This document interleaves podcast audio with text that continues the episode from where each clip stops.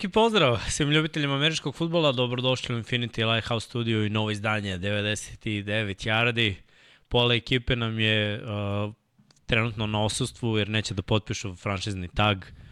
Ja se stvarno nadam da će biti plaćeniji malo nego što su bile do sada, ali eto, Jimmy se bori za prava defanzivnih bekova, Srki za prava veter, veterana. veterana. veterana. Neće veteranski minimum, hoće više novca, eto, mi ih podržavamo. I šta znam, nadam se do kraja trening kampa da će ljudi da potpišu pa da ih vidimo ovde, da se i oni izjasne. Ali nema veze, svakako mi idemo dalje, vidim da ste tu u nekom određenom broju koji nije baš velik, ali dobro, toplo je, toplo je, toplo je napolju, Što teško sam, sam vreme. sebi praviš traume, nije mi jasno. Teško vreme napolju. Srđane, gde si srđane? Sam sebi traume pravi čovjek. Pa pitaj ih ti, pošto imaš mikrofon. Jel imate ton, da. Ali, A pa nema. mu stoji ovde, znaš. Sramota me, sramota me. Kakav lik, strašan lik. Jedini na svetu. Inače morao sam da tamo da mu izbrišem sve što je pravilo problem. A mogu sam to da uradim realno i pre dva meseca. Ali kao sve razmišljam, treba će nam, treba će nam, treba će nam. Šta, šta? Potpisi oni. Koji? U downstream tieru. Pa treba za svih timova. To je pravilo problem. To je vuklo diskret. A to nam baš i ne treba pravo. Pa realno treba uopšte samo za draft, a posle ne mi nije trebalo. Pa da, kao ajde, kao čuvali smo. Možda. Ne, Imamo one, izgleda South Park, Koji epizod? kada Stan ima problem jer čuva stvari. Ne Skuplja, mogu da se- sakupljač. A, Horder. Znaš, kad mu otvore, kad mu otvore ormarić, onako, šta će ti ovo buđeva četkica od 5 godina? Kao, pa ne znam, možda mi nekad upadne nešto između zuba. E, tako smo bili, mi bili u fazonu, možda nam zatrebaju ti potpisi, Arizona Cardinals nam baš trebaju. Ali, ovaj, svakako, čega? Sa njihovog trening kampa. Čije? Od Cardinalsa. Nisam. Grozno, bolje nema da vidiš. Dobro. Znači, strašno. Vidio sam uh, sa trening kampa Jetsa. Lepo. I uh, oni blagi rollout i dodavanje za touchdown za, Ka Wilsona? za Wilsona. a? Da, kad je... Toe tap. znam- Da, da, No, baš. toe tap svega. Ma, brate, nije uopšte teško odraditi to drag sve kada Burazir i onakav projektil pošalje sa savršenom na spiralom. trening kampu Steelersa, A to, Dobro. to je... Znaš ko mene ne- najviše oduševljava? Za sada na trening kampu. Tu. Zbog? Konstantnosti. Šta što je prisutno? Ne, što nema što svaki pas ide na broj, brate. Ili u, ono, Dobro, uvek ili je u to best. bio poprilično precizan. I na koleđu to mu je bila Pa- uvek najveća vrlina. Ali možda ja toliko sumnjam u njega da me sad tek iznenadio jer ono, prošle godine je solidno pogađao, imao je par onih situacija gde mu lopta odleti malo, preleti više. Mm. -hmm. Ali sad na trening kampu dobro nisu oni prikazali svako dodavanje na trening naravno. kampu, ali ono što sam video za sada, A si vidio je neki highlight Jordana Lava? To dosta se Ja komentara. sam video. Ja nisam. da, Ja sam gledao Srki trening gleda. kampove. Pa dobro, ti voliš Jet, ovo je Packers Aha, to... nema, nisi daleko ni od ove. Da. Ali ništa nije ono iskočilo kao wow, Meni- vidi meni je- pas Jordana U, Lava, bilo izgoreo bilo je. internet, ovo što sam ti pričao za Cardinals, to je toliko loše izgledalo. Prvo, nisu mogli snap da urade lepo. Drugo, u prvoj sekundi je stigao defanzivni end do quarterbacka, treći quarterback je bacio, pogodio defanzivnog beka u leđa. Toko je bilo neprecizno. Znaš koji je on, segment od lošeg do goreg poteza. Znaš, znaš, Možda to namerno. Da, da, sledeće godine prvi pik na draftu Arizona Cardinals i biraju Caleba Bilo. Williamsa. Jesi, baš jesi. Da, znam ko- Ne inače- znam ko nosi broj 2 kao quarterback u Cardinalsima, ne mogu da se setim. Je Colt? Colt mu? Ne, koji? Je on bio rezerva? Ne znam, ja ću sad baš pogledati. Pa, znaš, ne znam za ovu sezonu. ne znam, Mislim da je Colt McCoy bio, ne, možda grešim. Ne mogu setim, zato, zato mi je... Sećam se da je treći bio Streveler u jednom trenutku, ko je bio drugi, ne mogu baš da se sjetim. Sad ću Hvala da- Bogu, prošle godine Cardinals se nismo mnogo radili. Znači, hvala vam bogovi NFL-a i vi koji uređujete prenose za Evropu. Inače, evo, ljudi ovde te malo zezaju što si komentaris, kaže prenosio, nije prenosio, nego komentaris. E, Dobro, Vanja je imao svoj televizijski debi sinoć. Srki, piši tamo pol, O, ja. kakav je bio Vanja sinoć, da ili ne?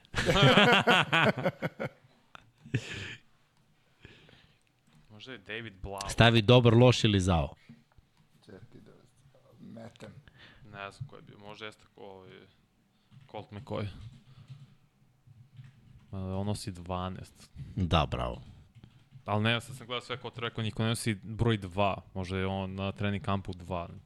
Ili nisam samo vidio dvojku, nisam vidio keca lepo na ovom snimku. Nemam pojma. Zar nije Hollywood Brown bio dva?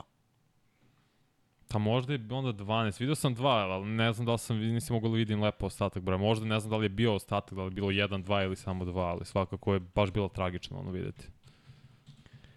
E, da, vidimo, da vidimo.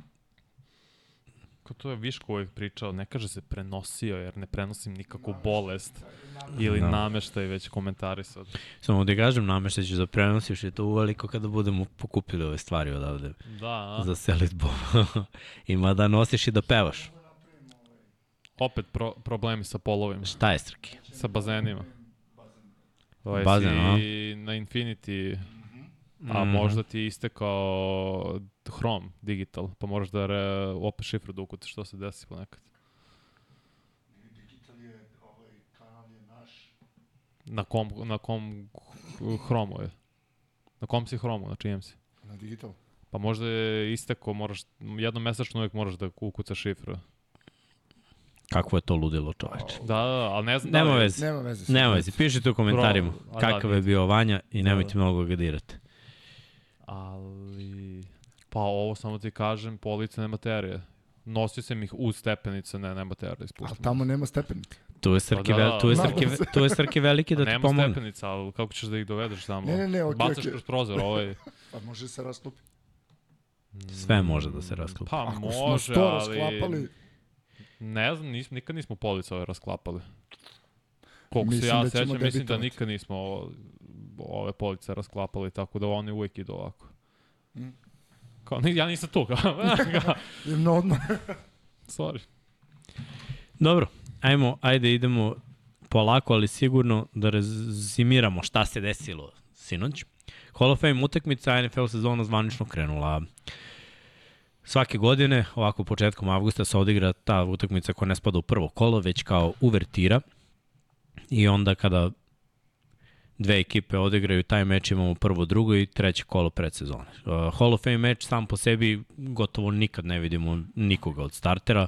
Nismo to videli ni sinoć, svi starteri su odmarili, eto mi smo malo pričali o tome, ali uh, pričali smo i o predstavljanju igrača koji su sada u kući slavnih. Pa eto, možemo malo koju reč o, o, o svakom, već smo to sve pričali kad su oni bili nominovani da uđu u kući slavne, kad se formirala ta klasa 2023, ali eto da kažemo od devetorice, petorica su igrači moderne ere, Ronde Barber, koji je igrao za Buccaneers, osvojio Super Bowl, Darrell Rivis, koji je igrao za Jets, osvojio Super Bowl sa Patriotsima, mm. -hmm. igrao je za Tampu, DeMarcus Ware osvojio sa Broncosima, igrao je za Dallas, Joe Thomas, igrao Thomas. celu karijeru u Clevelandu. heroj, tako je. Zach Thomas igrao u Majamiju, pa potom u, u Dallasu, nije osvojio.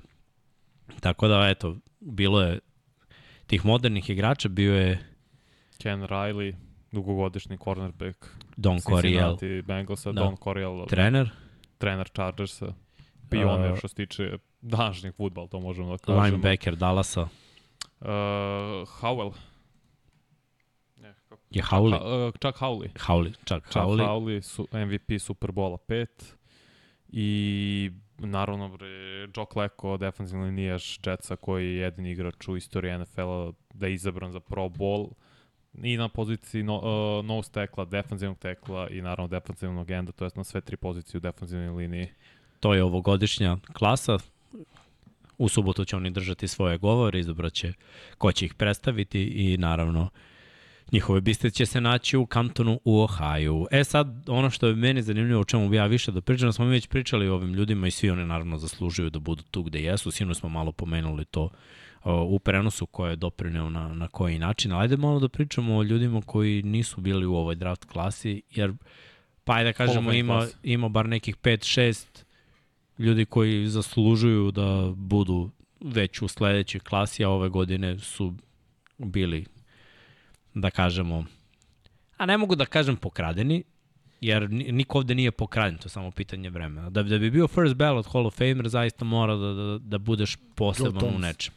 Pa da, spominjali smo i Barona Rodgersa. On je bio, juče nije igrao, gle bio je u Hall of Fame zgradi i gledao sve te biste i ti si spomenuo vrlo vratno first ballot Hall of Famera, mislim da će sigurno biti Ajde od ovih igrača koji su, mislim, eligible, Dwight Freeney, ubica. defensivni end dugogodišnji kolca. Pa meni Osvojio. je first ballot. Mislim da je to ako treba da razmisliš Pa, nije očigledno, ali da, Da. li je za sledeću klasu?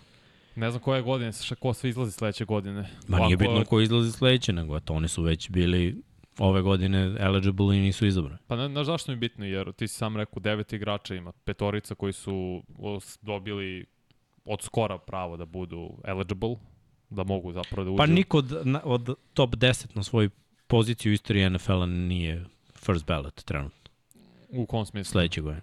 A ko je, ne, zato se pitam, ne znam ko izlazi sve sledeće Pa, godine.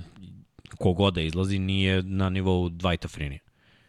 Kogod od hvatača izlazi nije Ili na nivou... izlazi Eli Manning sledeće godine.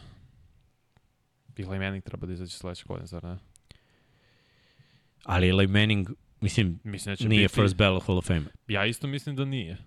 Ali mislim Eli da, da Manning nije ima top veću 10 šansu na svojoj nego, poziciji. Znam, ali mislim da ima veću šansu nego Frini. Da. Zašto? Zato što je dva puta Super Bowl šampion.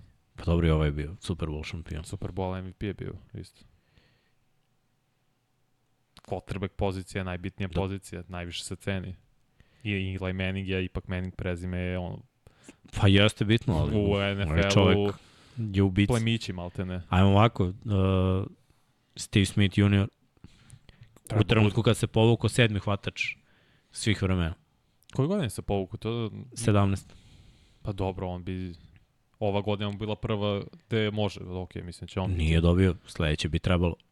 Pa dobro, kad poredimo s ovim igračima koji jesu, nije bolji po meni od Demarcusa Vera, od Joe Thomasa, od Rivisa, od Barbera jeste. Makar meni. Gledaj, u jednom trenutku Steve Smith je legitimno bio top 3 hvatač u NFL-u. Ne, jeste. Imao je triple krunu, Tako, najviše 2005 hvatanja, najviše yardi. 2007 kad je bio. kao ruki je bio u Superbowlu. Bio je pro bowler kao returner, bio je pro bowler kao najbolji Hvatač. hvatač u ligi. Ne, zato kad, Igrao je dugo, Mhm. bio je vrhunski bloker. ali, ali kad pričam Demarcus Vera je realno bio Ne, ne, u ne. jednom momentu broj jedan na svoj poziciji. Naravno. Joe Thomas, Mislim, gledaj, u ovoj klasi nije bilo hvatača. Da, ovo je klasa, inače, samo je Joe Thomas na ofanzivnoj strani bio. Svi ostali igrači, ne Defanzivna računajući klasa. naravno trenera, defanzivni igrači. To, znači, vreme je za, za ofenzivni. Pa da, tako bi trebalo. Ko je još ostao? Marvin Harrison, je tako? Isaac Bruce, isto on čeka baš dugo, Da. zar ne? Da. Ali dobro Steve Smith ima mnogo bolju karijeru od Pa jeste, trebao Bruce. bi. Nema Zato- Super Bowl, ali Zato, mislim... zato pitam, ne mogu da se setim ko je, ko je se individualno- penzionisao, znači to treba bude 2018. godina zapravo. Larry Fitzgerald, first ballot. Ja sam penzionisao tada? Ili se penzionisao godinu dana kasnije? Ne mogu da se setim kad se... Ja, možda mislim Da je 19. odigrao možda ruki godinu, to je prvu godinu Kyle Ramara. Igra, Pa onda je 2019. zato što je Mara i draftovan 19. znači 24. je Larry. Pa onda 25. Larry će biti first ballot, Zar nije jedna pet godina? sigurno. Pa ne, onda je 25. To, to. Larry. No. Ako je odigrao tu sezonu 2019, 20, 21, 22, 23, 24, tako da onda za klasu 25 bi trebalo da bude legitiman, da može. Ne mogu setiti, ako ljudi znaju u komentarima ko se penzioni sad u skorije vreme, aj kažemo oko perioda od 2018. 17. što su oni legitimni, oni mogu sada da uđu u kuću slavnih, to je da se izaberu da budu članovi kuće slavnih, neka napišu da vidimo da uporedimo. Biće, ima baš do, dosta jakih imena. Nego kažem, ofanzivno je tu nešto malo slabija konkurencija. Tako mi bar deluje. Defanzivno, ovo baš bila defanzivna klasa. Ali dobro, bit će zanimljivo. Ja očekam sutra da, da, da čujem te govore. Dobri su ovi igrači, mislim, sve smo ih ispratili. To što kažeš, možda je Ronde Barber onako među slabijima, ali opet vrhunska karijera i on je tu poziciju nickel cornerbacka promenio u potpunosti. Tu smo dobili igrače koji su ono preteča Tyrona Matthewa, preteča da. Bude Bakera, tih igrača koji, znaš, blizu su boksa, mogu da igraju coverage, idu na sekove. Jared Allen, Izvini što Jared. Allen, da, mislim, Jared James Allen. Harrison, To su sve igrači sa preko 100 sekova u karijeri. Mislim, Anquan Boldin. Anquan Boldin isto vrhunska karijera. I on je u jednom trenutku, ne znam da li baš u trenutku povlačenja, ali bio je top 10 po broju uhoćenih safety. Pritom Anquan Boldin je baš in, individualno najzaslužniji za osvajanje ofanzivno najzaslužniji mm Mhm. -hmm. za osvajanje Superbola Ravensa 2012. Da, sad, Dečko izgrmeo kroz, sad, kroz ti, playoff. sad ti čitam Rodney Harrison, Devin Hester. Devin Torrey Hester je Holt. druga priča. Devin Hester će biti Hall of Famer kao returner. On spada u posebnu klasu. On mora da bude, jer On je gledaj, bio polufinalista ove godine. Da, mora da bude jer gledaj, anomalija je Mhm. i pozicija će da nestane. Zbog svih pravila i return više nije onakav kakav je bio, znači on, on mora da dobije priznanje za sve ono što je uradio. I ti sad pitanje. Andre Johnson ili Steve Smith? Steve Smith. Uh, On je isto legitim. Andre Johnson će si Hall of Famer, ne, nema dileme. ove godine, sad čitam ko su bili polufinalisti, ove Da, godine da. on je bio među polufinalistima. Gledaj, An- Andre Johnson je čitavu karijeru bukvalno proveo u Houstonu, posle je otišao. Heinz Ward je slabiji hvatač. Gledaj, on je igrao u vrhunskom timu koji, gde je odbrana grmela sve. Moramo ovako, Andre Johnson treba dobije najviše respekta jer je igrao u Kanta ekipi. Znači, Jeste. Texansi su bili užasni. Groznik On, od deceniju. pazi, on je od Meta Šoba napravio quarterback. A Šob, pick six, se jedno vreme u NFL-u u žargonu zvao Šobs. Jer je lik imao tendenciju da, da baca pick six. Znači, ajde ovako. Da kažem. Andre mora da bude Hall of Famer, ali nema bolju karijeru od Steve'a Smitha, iako je bio i pro bowler i prvi tim All Pro i bio je brutalan bloker i sve je radio kako treba, jer je Steve Smith imao vrhunsku karijeru kao returner, uh -huh. imao je vrhunsku karijeru u Panthersima gde je isto posle Deloma igrao sa Kemom koji mislim nije bio na početku karijere vrhunski kube, onda je otišao u Baltimore kao deda i opet izdominirao imao preko 1000 yardi. I dominirao i kao bloker. I njegovi Steve Armovi i neke stvari koje je radio Steve Smith ga stavljaju u ono. Evo Pod, ti pritom i gledaš učinak u, u, Ne, top se. 10 hvatača ikada. Znači, ako Pojavi. si iz ere 2000-ih i u top 10 si ikada, znači da je bilo manje targeta nego danas. Danas ćeš ti lakše da imaš 1000 yardi nego tada.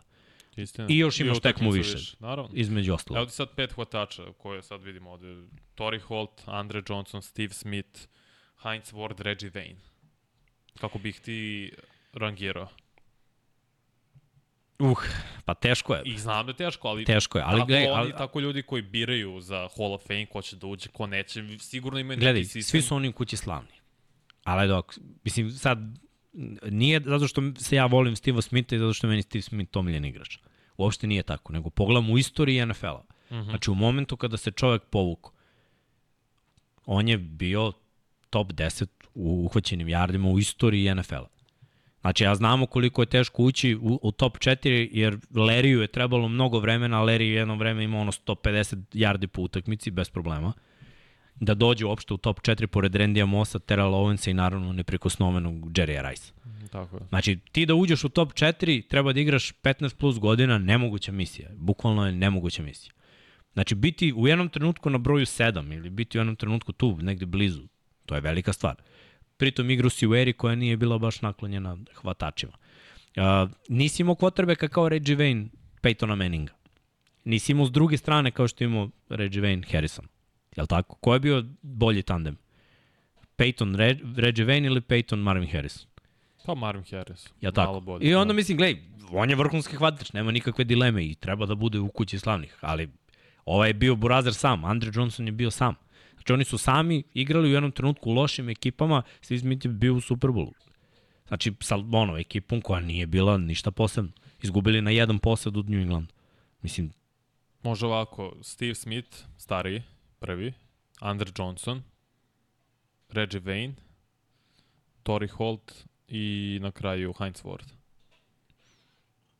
opet, Tori Holt je imao brutalnu karijeru, počeo je kao ruki, ali opet imao je Kurta Warnera i vrhunski napad. Nakon toga je usporila... I oni, nakon Isaac toga- su igrali zajedno. Jesu, ali usporila je karijera njegova. Znaš, E, pritom, ajde gledamo ovako, sposobnost za blokiranje. Steve Smith je vrhunski bloker, Andre Johnson je vrhunski bloker, mm. Heinz Ward je vrhunski bloker. Ostatak ove liste, ono, mnogo više hvatači, mnogo manje blokeri. I to mora da se uzme u obzir. Znaš, ti da staviš Andrea Johnsona da blokira linebackera, vrlo verovatno da će linebacker, znaš, da će izblokira linebackera. Steve Smith isto. Imao si mnogo situacija gde, znaš, oni pancake-uju safety-e, defanzivne bekove. Koliko tuča Andrea Johnsona i Steve'a Smitha gde, gde ono, premlate čoveka bez problema. Znači, postoji razlika. Heinz Warda, Heinza Warda ja jako poštujem jer je Ward iskoristio maksimum svojih mogućnosti, bio je u dobroj ekipi, osvojio je Super Bowl, imao je taj neki mentalitet. Meni je on ispred uh, Torija Evo, Holt. Mogu da ti kažem koji dvoji su igrača koji će sigurno biti first ballot Hall of Famer i prve sledeće godine imaju pravo na to. To su Julius Peppers Sigurno first i ballot. Antonio Gates. Nisam siguran za Antonija Gates, jer nema ljubavi za taj tendo toliko. To je istina. Znaš koliko taj Shannon tendovi Sharp ima? je čekao koliko? Pet godina. Na, znaš koliko treba, znači od ovih Gronk će biti first ballot Hall of Fame. Travis Kelce će biti. Ali, ali to su, znaš, oni su za razliku, Antonio Gates je vrhunski bio taj ten, da se On razumemo. drži i dalje za sad rekorde po broju uhoć, uhoćenih touchdownova, da li uhoćenih i lopti, nisam sigurno za touchdownova. Ali znam. sumnjam da je first ballot, jer znaš šta, da bi bio na poziciji taj tenda first ballot Hall of Famer, baš moraš da, da Gronk ima četiri Superbola. Da. Brate, znaš ono, ne možeš sa tim. Jel bio Tony Antonio- Gonzalez? Hm? Jel bio Tony Gonzalez first ballot Hall of Fame? Ja mislim da jeste. Mislim ja je, da jeste. Moguće da jeste, ali opet Tony Gonzalez je, Pa i on je, Da. on, mislim, to, ta nije generacija, on, play-offu, da. on, Gates su napravili neku drugu vrstu revolucije za tu poziciju. Zajedno sa Vitenom, zajedno sa kako se zove, tight end, uh, Jeremy Shockey, ok, neku manju ruku. Samo ti sad, ono su ovo najpoznatiji imena, mislim, Haloti Moguće. Nagata je tu, Jamal Charles, Dobro, Brandon nada će da Marshall. čeka, nada će da čeka Da, jer se vozi u autobusu nije- sa vrhunskim čak igračima. Nije ni Eli Manning, znači on je za, dve, za onu tamo, pošto mi ne iskače ovde. Ovo je bilo za sledeću godinu koje, ko ima pravo. Najpoznatiji su Peppers i Gates. I, ok, Eric Berry, ali ne verujem da će on nije na nivou ove dvojice. Pa da. A ovde su ostali Vince Wilfork i Patrick Willis, koji... Wilfork, Wilfork bi mogao, znaš, ali opet, kažem, kad je Dwight Freeney čekao, Dwight Freeney bi u jednom trenutku bio strah i trepet NFL-a, govorilo se o tome da je ono top dva igrač na svojoj Što poziciji. je meni u glavi da je njegov spin move zapravo bio toliko ubitačan. Jeste. Jel da? I on je uradio isto Kao rolling, rolling, da, lažni. Rolling proda, Fake. pa onda sledeći Fake, je da, da. lažni rolling i ulaz. Tako da ono, sve je moguće. Ali eto, ispričali smo malo o onome šta mi očekujemo. Mi smo već pričali o ovim momcima koji su indukovani ovaj, Kuću u slavu. kući slavni. Tako da možemo ovaj, da idemo dalje sa temama. Što utakmice malo. Pa ajde, šta, šta znam. Mislim, znaš, ja uvek posmatram predsezonske utakmice, ne igraju starteri, playbook je srezan na osnove i vrlo verovatno da te akcije neće biti igrane. Ali delovalo mi ovako, Brownsi, totalno novi izgled quarterbackova, dosta više izlazaka, uh, dosta više dodavanja za running backove, jer i Felton i, Kelly su imali svoje šanse da hvataju, mnogo više nego da trče. A i dobro su trčali obojice. Jesu, ali videlo se tačno ono, screen, screen, flat, žele na taj način da, da im pokažu running backovi da li mogu da obavljaju sve one stvari koje je Karim Hunt radio prethodnih sezona, jer Chubb neće hvatati loptu, nije, nije Chubb taj tip. Chubb Osam će biti prvi, drugi dan. njih dvojica. Pričamo o Kellyu i Feltonu. No. Od 30. Bilo je, bilo je lepo. Bi- Bilo je lepih dodavanja za hvatače i tu su se pokazali neki novi momci. Videli smo novu mladu nadu i potencijalnog trećeg quarterbacka na, na rosteru. Da, Doriana Thompson, Robinson, koji mene stvarno oduševi, pokazuje playmakerske, playmakerske sposobnosti koje on posjeduje i što je radio i na UCLA-u, čitavu njegovu college karijeru, zato sam i u prenosu spomenuo da lič, podsjeća me malo na Lamara, to je ta brzina, imao je nekoliko sjajnih poteza, imao ono sjajno blokiranje, fel, što je nakon toga zapravo usledio touchdown Feltona, takođe Cedric Tillman, hvatač sa tenisija me na, u par navrata oduševio, mislim da će on stvarno dobiti pravu šansu da bude hvatač broj 3 za početak, jer imaju Amarija Coopera, Elijah Mura, a Cedric Tillman je vrlo, vrlo opasna pretnja. I mislim da je to super stvar za Browns, jer sad imaju tri legitimna hvatača. Mm. Pa vidjet ćemo da, da li će biti tog malo Plus, naravno, spreda da što si ti tight priča. end. Da, imaju, imaju setove sa dvojicom tight endova. Biće, biće lepo vertikalno. S druge strane, Jetsi, totalno rezervna postava, ofenzivna linija rezervna. Da, Rani- Rani, ra- Rani, ranim- igrao. To, Pa on je rezervista. Pa, mislim, jeste, ali ono, nekadašnji pik prve Pa, runde očekuje se da bude starter. Neće biti starter sigurno. Da, ti neće biti ne da neće biti starter. Pitanje je da li će Ko biti... će biti na desnoj strani? Te, ko će biti levi? On neće, brate. Bile Tarn će biti na desnoj strani. a ovaj Dwayne Brown koji ima 38 godina na levi. Bolje nego Mekai Beckton koji ima ono, On, nikakvo iskustvo, stalno je povređen Odigrao i juče nije bilo nešto ono. ok, ništa wow. Inače, meni je bolje otisak ostavio da Van Jones, rookie tackle koji je da, gromad, desni, da. čovjek onako rad nogu ima planina, to mi je stvarno ostalo baš upečatljivo. Ali nije igrao futbol 650 dana, malo jače od toga Beckton. Ali zato je bilo okej da ga vidimo na terenu, da vidimo šta, može, šta možemo da očekujemo od njega. Kažu, kamera tri tekme suspendovan. Da, to sam negde pročeo, mislim da će biti šest. Pričamo o running backu Saintsa, Alvinu, Kamari, Kameri.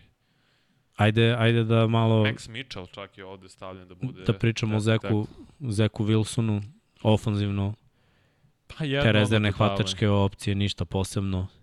Očekivao sam više, to sam ti rekao i dok smo radili utakmicu, ja sam očekivao stvarno da će odigrati makar poluvreme, jedno celo, ne dva mini drive u suštini, pet, imao je tri kompletirana dodavanja iz pet pokušaja, oklizno se onom kad je treba da isteče znoj mm. prvi down. Mislim, stvarno bled utisak, zato što nismo ga dovoljno videli. I Streveler i Boyle su imali više prilika, ne znam zašto je to tako bilo, ali nadam Ma se da zato će... što oni ne razmišljaju uopšte. Tako mi deluje. U kom smislu? U smislu dalje od Rodgersa. Ne, ne, U smislu, naravno. Aaron Rodgers i... Znaš ono kad se, Proviri. deca, kad se deca biraju, biram, Aaron Rodgers opet. ja, bukvalno, znači ono, ovi drugi mi ne trebaju. Ne, pa nadam Tako se da- za Zeka Wilsona da je ovo super stvar, da on može naredne dve godine da sedi i da uči od Rodgersa i možda potencijalno da izraste u startnog quarterbacka za dve godine. Taj film Evo, nećeš meni je To gledati. pitanje da li je on Ne znam, sposoban. to se ja nadam. Ja se nadam da Nema- on, to je nema- moja nada i zamisao. I, na, I Jetsi su svesni toga, oni u idealnom svetu ne razmišljaju o quarterbacku broj 2. Nema od toga ništa, znaš. Ali on je pod ugovore, znaš, to je najluđa stvar. Ne, ne znam, ali I kad se završe ove dve godine s to ti- Rodgersom ima petu godinu. znam, to je backup, backup plan. To ti samo biznis, jer, jer razmišljaš pametno. Zato što njegov ugovor taj ne košta ništa, Tako je. ovako imaš neku šansu i imaš jeftinog backup quarterbacka koji je na ruki ugovor. Da, da. Ali očekivanja za njega nikako. Janik Ngakwe je potpisao za Chicago, Chicago je Da. sve opasnije. A Sviđa mi Chicago će da uzme Mercedesa Luisa iz... Uzeli su ga. uzeli su 18 iz sezona Green za. Mercedesa Luisa, to je rekord za tight enda. U NFL-u, ta već je potpisan za njih i što si ti rekao što su potpisali Janika, to je odličan potpis. Stvarno, Ja. sad imaju edge E, rushera. pa vr, neki vrhunski igrači su i dalje mislim, slobodni agenti. I sad kako se povrede budu nizale, verujem da, da će mnogi biti potpis. Imamo pitanje za povredu Jelena Remzija, mislim, pričali smo sinoć malo, šuška se da u decembru bi mogao da se vrati na teren. Sad, naravno, sve zavisi od toga, to je individualno. To se Tako je. nikad ne zna kako će neko da se oporavi od povrede, na primjer, evo, uzmemo mene i Vanju, ista povreda, 100% nećemo u istom trenutku da budemo Tako je. sposobni da se vratimo na teren. Znači, mo- mogu da zamislim kakav je Jalen Ramsey, kakav je radnik, kakav je, kakva je ekipa lekara tu oko njega, šta može. Šteta je za Miami zato što su stvarno mogli da imaju tandem Brutalno. naš, neverovatnih cornerbackova. Xavier Howard i Jalen Ramsey na bumpu, na liniji skrimidža sa onom defanzivnom linijom i onom podrškom u Plus Javon sekundariju. Holland je odličan safety, stvarno izrastao u odličnog, odličnog igrača. Sad pitanje za Miami je, to je ono što sam ispomenuo sinoć, playoff implikaciju AFC-u kreće od prve nedelje. I mislim da je to, neko je, negde se to gledao, rekao, timovi koji kreću 0-1 imaju 25% šanse da uđu u playoff. Zato je NFL toliko pa možda jedan od najboljih, ako ne najbolja profesionalna sportska liga, jer je od prvog kola sve neizvesno. Ti ne možeš da, ti bukvalno ne možeš, ne možeš sebi da priuštiš maltene da kreneš 0-1. Pa da, mada, nije. Malo je hiperbola, sve to No. okej, okay, ali opet za playoff implikacije u AFC-u pogotovo... Reci ti to Jaguarsima prošle godine kako su oni krenuli, pa u playoff na kraju Ne veze, okej. i pobediš. Ako gubi, a, igraju prvu sa Chargersima, ako tu izgube, ti si već u minusu za jedan AFC tim koji juri playoff kroz Aha. wild card. Sve je moguće. Kažu preteška divizija za Miami, Tua staklen, ne miriše na dobro. Polako, krenuo na ajde, jiu-jitsu. vez. ajde im damo, da im damo. Jeste? Pa krenu na jiu ne da bi lemo nekog, nego da nauče padne. Pa čovjek. da. Pošto očigledno ga vuče sve na glavu. Pa čisto malo da nauči, da, da, da se skupi. Inače, pozdrav za mog brata Mocu koji je vozio biciklu, pao i slomio ruku. Barem nije ko tuo na glavu. Pa da. E, kaže, a bio sam top 4. Planinski. Planinska trka. Rekao, brate, koliko nisi vozio biciklu? Kaže, pa, dugo. Rekao, pa de odmah na Pa planinsku da. trku. A dobro, to je kad je neko upor. Imamo mi jednog u studiju ovde, jako uporno, koji se sad pakuje. Inače, možda ga znate, voditelj, inače, Komentator, komentator, da. Formula 1, MotoGP, vrlo poznat glas. Otvarao je pre ovih 99 yardi. Ćao svima. Otvarao je par izložbi isto, možda ste bili. Ne znam da li, ne znam da li primećujete ove prelepe senke koje se nadvijaju nad našim facama, ali sad je Evo, postao... da. Sad Dođe ovde malo, da. Možeš spustiš ovo. Evo, evo. Kao, ba, Znači- kao Bumblebee. Oni pričaju, neki od nas vise bokolo po strasovima. Znači, ne znam da mi to. E, dobro ti boja. Vidi. Dobar dres, Ovako. lepa majica. E, sad nemam tu kameru. Nemaš tu kameru, da, imaš mikrofon. E, imaš mikrofon, taj, to je, to je, Taj to. mikrofon je između tvog i... Četvorku nisi upalio. E, ali Evo, Pa ne, zato što samo dvoplan ovaj pali, to je to. Dvojku da razumeš, mislim, nema veze. Ka ti, Evo, evo, pre, kroz pre, scenu.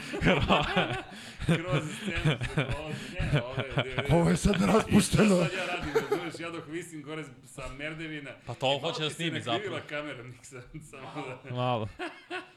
Otkočen je dole, da znaš. A, ovaj, još dole, još dole. Glavni osigurač, e, to, To, to. to ispod, ispod, Ispod, ispod, ispod. dole. Taj, To, Baš To, ispod. ma, to, miksice. to. Jaki mu ruke. Viš da je radio... Znaš kako boju dobio čovjek. A, ne, ne, ovaj dole, dole. Ispod, e, Te. to, to ti je. Vidiš, sad mnogo Sad lakše. je pijana, ali nema veze. Sad moraš da je je centriraš. Jednog dana ćete me videti. Viđaju te oni. Da, Svakog ja se pone- izvinjam. ponedjeljka i utorka i Nije da srede. Ne želim da budem ovdje, ja sam upravo došao iz, iz playera, sve sa opremom, jer neko mora i da radi. E, to malo nije u fokusu, ali nema veze. Malo je mutan. E, Bumblebee. e, e. Bumblebee. Da, Bumblebee. Ovo je za one koji žele da imaju tišinu u studiju dok snimaju. UL 150 Godox. dakle, I zašto je tišina? Zato što nema ventilator. I ima pasivno hlađenje, zato ima ovaj hladnjak ovoliki koliki ima. Treba dole I- da ide ovaj potpis, analiza. Godoksa. Analiza Godoxa. Neću više da vam Presented by Srđan Čisto Estek. da se zna da pre... Ne mogu da verujem, ja tamo dok pakujem, razumiješ, preznojio se, spamujem je, ne, da, znam, nikad nemoj da očekuješ manje. Ček, ček, ček, vrati dole, si upalio nešto bio? A ne, nisam samo oci. tamo Oci, pre- E, Evo, oće izgleda kao da je stvarno lasar. Izgledao je kao pa moja sila, Evo razumeš, Jedi. Pa ti znaš kad bude bio na stadionu Jetsa čovjek, Opa. pogrešno. Inače, samo da znaš, juče nestaje struja Aaron Rodgers u mraku. Ja rekao, gde? ponovo. Gde? Trebali smo tu sliku i, i da ga pitamo da prokomentariše. Ali, ali baca u mraku pošto vidi. Dark Knight. Rises again. On... Koja su očekivanja, Srki? Jesi, jesi video malo sinoć highlight neki? Gde sam video Nisi, Miksa, a? ja sam stigao sa puta, otišao da pokopim, sređujemo Lukin i Kuzmin studio trenutno, tako da smo u radovima i jel te, onda sad sve organizujemo i od jutra od 8 na MotoGP. MotoGP. Izvinjam se, ljudi, ne, ne, da, jedva čekam da možemo se fokusiramo na 99 yardi, o, ali sam, zato, zato ćete dobiti uh, easter egg na Huddle pivu kako stoje stvari, ali da, da, da, Blago već najavimo novo pivo stiže, ali da, izvinite što nisam u emisiji, zaista, i ne mogu da verujem da si mi izvukli A, pozdrav. nisam ti zuko, ja sam te samo pomenuo, pozdravio.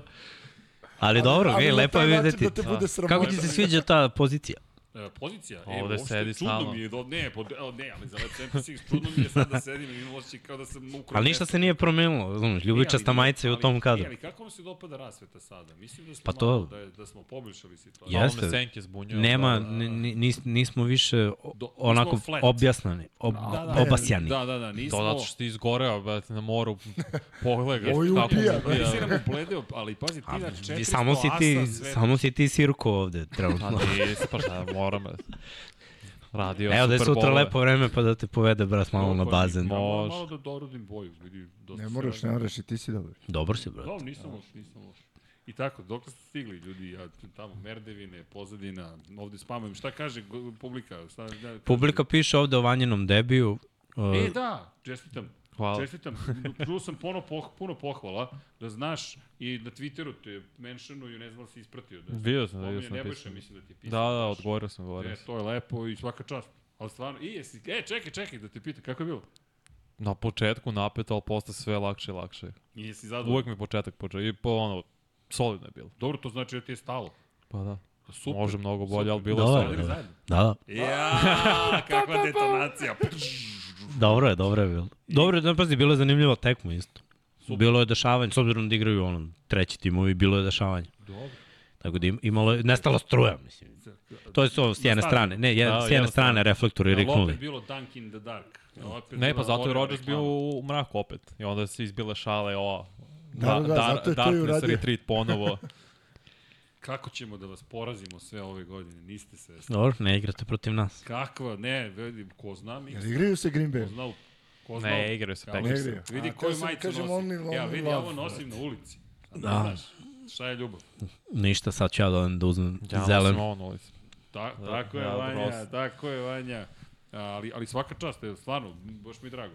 Jeste komunicirali ono očima, ovo, ono, prsti. Dobro, pa gledaj, posle ovoliko podcasta kapiramo sve. Da. Super, super, baš mi je drago. Čestitamo, zaista. I svaka ti čast. I, i, I ono što smo pričali, koji te put tek čeka, šta sve radiš iza kulisa, huge respect, što bi se reklo, što bi Ameri rekli, ili ti je ogromno poštovanje. Bravo. I, Mo- Možda samo like provalim kako da dišem još, da odaljim dovoljno. To mi je jedino jasno. Dobro, ali vidi, to ti se ponekad desi i nesvesno. Da, naučit ćeš da čuješ samog sebe da dišeš. Ali ima onaj moment, ne znam koje koristite slušalice, ali Pa isti faz. isti faz. Sve isto. Zenhajzerice neke. Dobro. Ništa, samo saviješ ka s polja i gledaš da zapravo taj zvuk što izbacuješ da mikrofon ovako pokupi, a ovo... Da, da, da, to Ali je to. iskreno ti kažem, dešava se kad gledam MotoGP da, da tačno Srkija vidim kako kucaj. E, nisam ja. Ja. Tu se ja ne čujem. Da, da, nisam ja. Ja se čujem kako kucam. To, se- za to sam kriv, apsolutno. Trr, trr, trr, trr. Ali neko se čuje kad diše i čuje se iza. Znaš, kad je neko napisao, pošto ja komentare gledam stalno, kao odlični su vam podcasti, samo manje mljackanja u mikrofonu. Ne, ne, ne, vidi, Gainovi su nam kupili muvu u letu, ali to je sve u redu. U jednom trenutku Paja, Paja inače, inače koji nikad ne jedi, i neko nam je donao kolače. Kuku, kad je krenulo manđanje, otprilike je bilo a, a u, u, i tako. Šta smo dobili ovde i figure i svašta. Gde nam je Jimmy? Nije to čovjek rekao na Da, rekao tri je. petka nije Ne, to. ne, ne, samo pitan gde je. Neće da potpiše, neće da U potpiše U franšizni tag. Franšizni, a? To sam bacio forum na početku da nećete ni ti ni on, ti veteranski, a, a on ovaj. Ja potpisujem sezonu po sezonu. Ali dobro, Srki će da potpiše, evo ga, došao je ovde Došao da, sam, da objavi. Šta potpisujem više sa Merdevina? Dobro. Ne, da, Srki me zatekao na Merdevinom. Šta to radiš? A ja Da, ja dolazim, gledam ovo, rasveta merdevina. Ja jesam, me, sviđa mi Ja se, sam baš je, nekako je toplije, Topliji bolje. i- bolje. I, i drugo, nije nam nebo sišlo na, na, na, na, na mozak, nekako se otvorio prostor najzad i mislim da smo... Nemate da ocije, smo nemate Da, da, ocije. da smanjuje se ocije. Pa zato što Lantern je ok za neke stvari, ali mnogo su, mnogo su, mnogo su duboki, zapravo nisko pada. Ali on bolji za napolje. Ne, ne, ne, nije to pitanje napolj, pitanje je upotrebe, ali njega kad usmiriš u čoveka ovakav kakav jeste, lantern da sve, sve osvetli praktično. Sam ga visina plafona je pitanje. Da, i ne samo to, znaš, kad ga usmeriš, on ti obasi okolinu, pa ti onda razbije potpuno mrak u okolini, ali problem je ovde što smo zapravo, a, nisam računao na, na visinu a, reflektora. I onda se spustio lantern nama na, na čelo. Tu je problem. Da lantern gore na plafonu možda bi bilo bolje, a mada mi se nema više sviđa. I tako, odo smo mi, dakle, eto, Da, da, da, ovo je hteli ste digresija. digresiju, hteli ste digresiju, ušli ste u mentalnu regresiju. Ma da, pa nije da ima, nije da ima mnogo nekih tema, čisto ćemo da prođemo o svemu i Vanja je opet neku listu tu izbacio, pa To nije moja Vanja, lista. zvani nije on, list, nije da list, To nije Vanja moja da lista. nije njegova lista, E, čujem ali... da ste juče o NBA i da je bilo žustro. Pa nije. Pa nije, ljudi vole je Pipena nešto mnogo. Uh, naravno da vole Pipena, Pipen je pa nije legenda. bolji od Kavaja. Ocrnio je, brate, Pipen. Nisam- Evo ti sam bolji. taj Ne, ne, matorac ne, ne, koji je gledao Scottija. Stavio sam ga osmog. Čak je Da. rekao da ne bi nosio patike Scottija Pippen jer su To je mu skroz Na okej. budžet. Vanja, brate, u redu smo. Nemo, nabuđen sam. Vidi, vidi, vidi. Od crnja čovjeka stavio osmog, Scotty- najboljeg ikada. Scotty- Na njegovoj poziciji. Scotty je, Scotty je pionir pozicije, ali dobro. Bio je, Scotty je bio baš ozbiljan Jeste. igrač. I, ali pazi, on je morao da preživi Jordana, ne samo da igra sa njim. To ti isto respekt jedan poseban. Pa ne, ozbiljno, pa Jordan ekstremista čovek, ali dobro, zato su tu rezultati. Ali poštujem, poštujem vaše mišljenje, ne razumijem se dovoljno, znam nešto iz prošlosti i tu ću da stanem zato. Pa ne, ozbiljno, gde je, gde je još NBA da pratim, pa poludiću.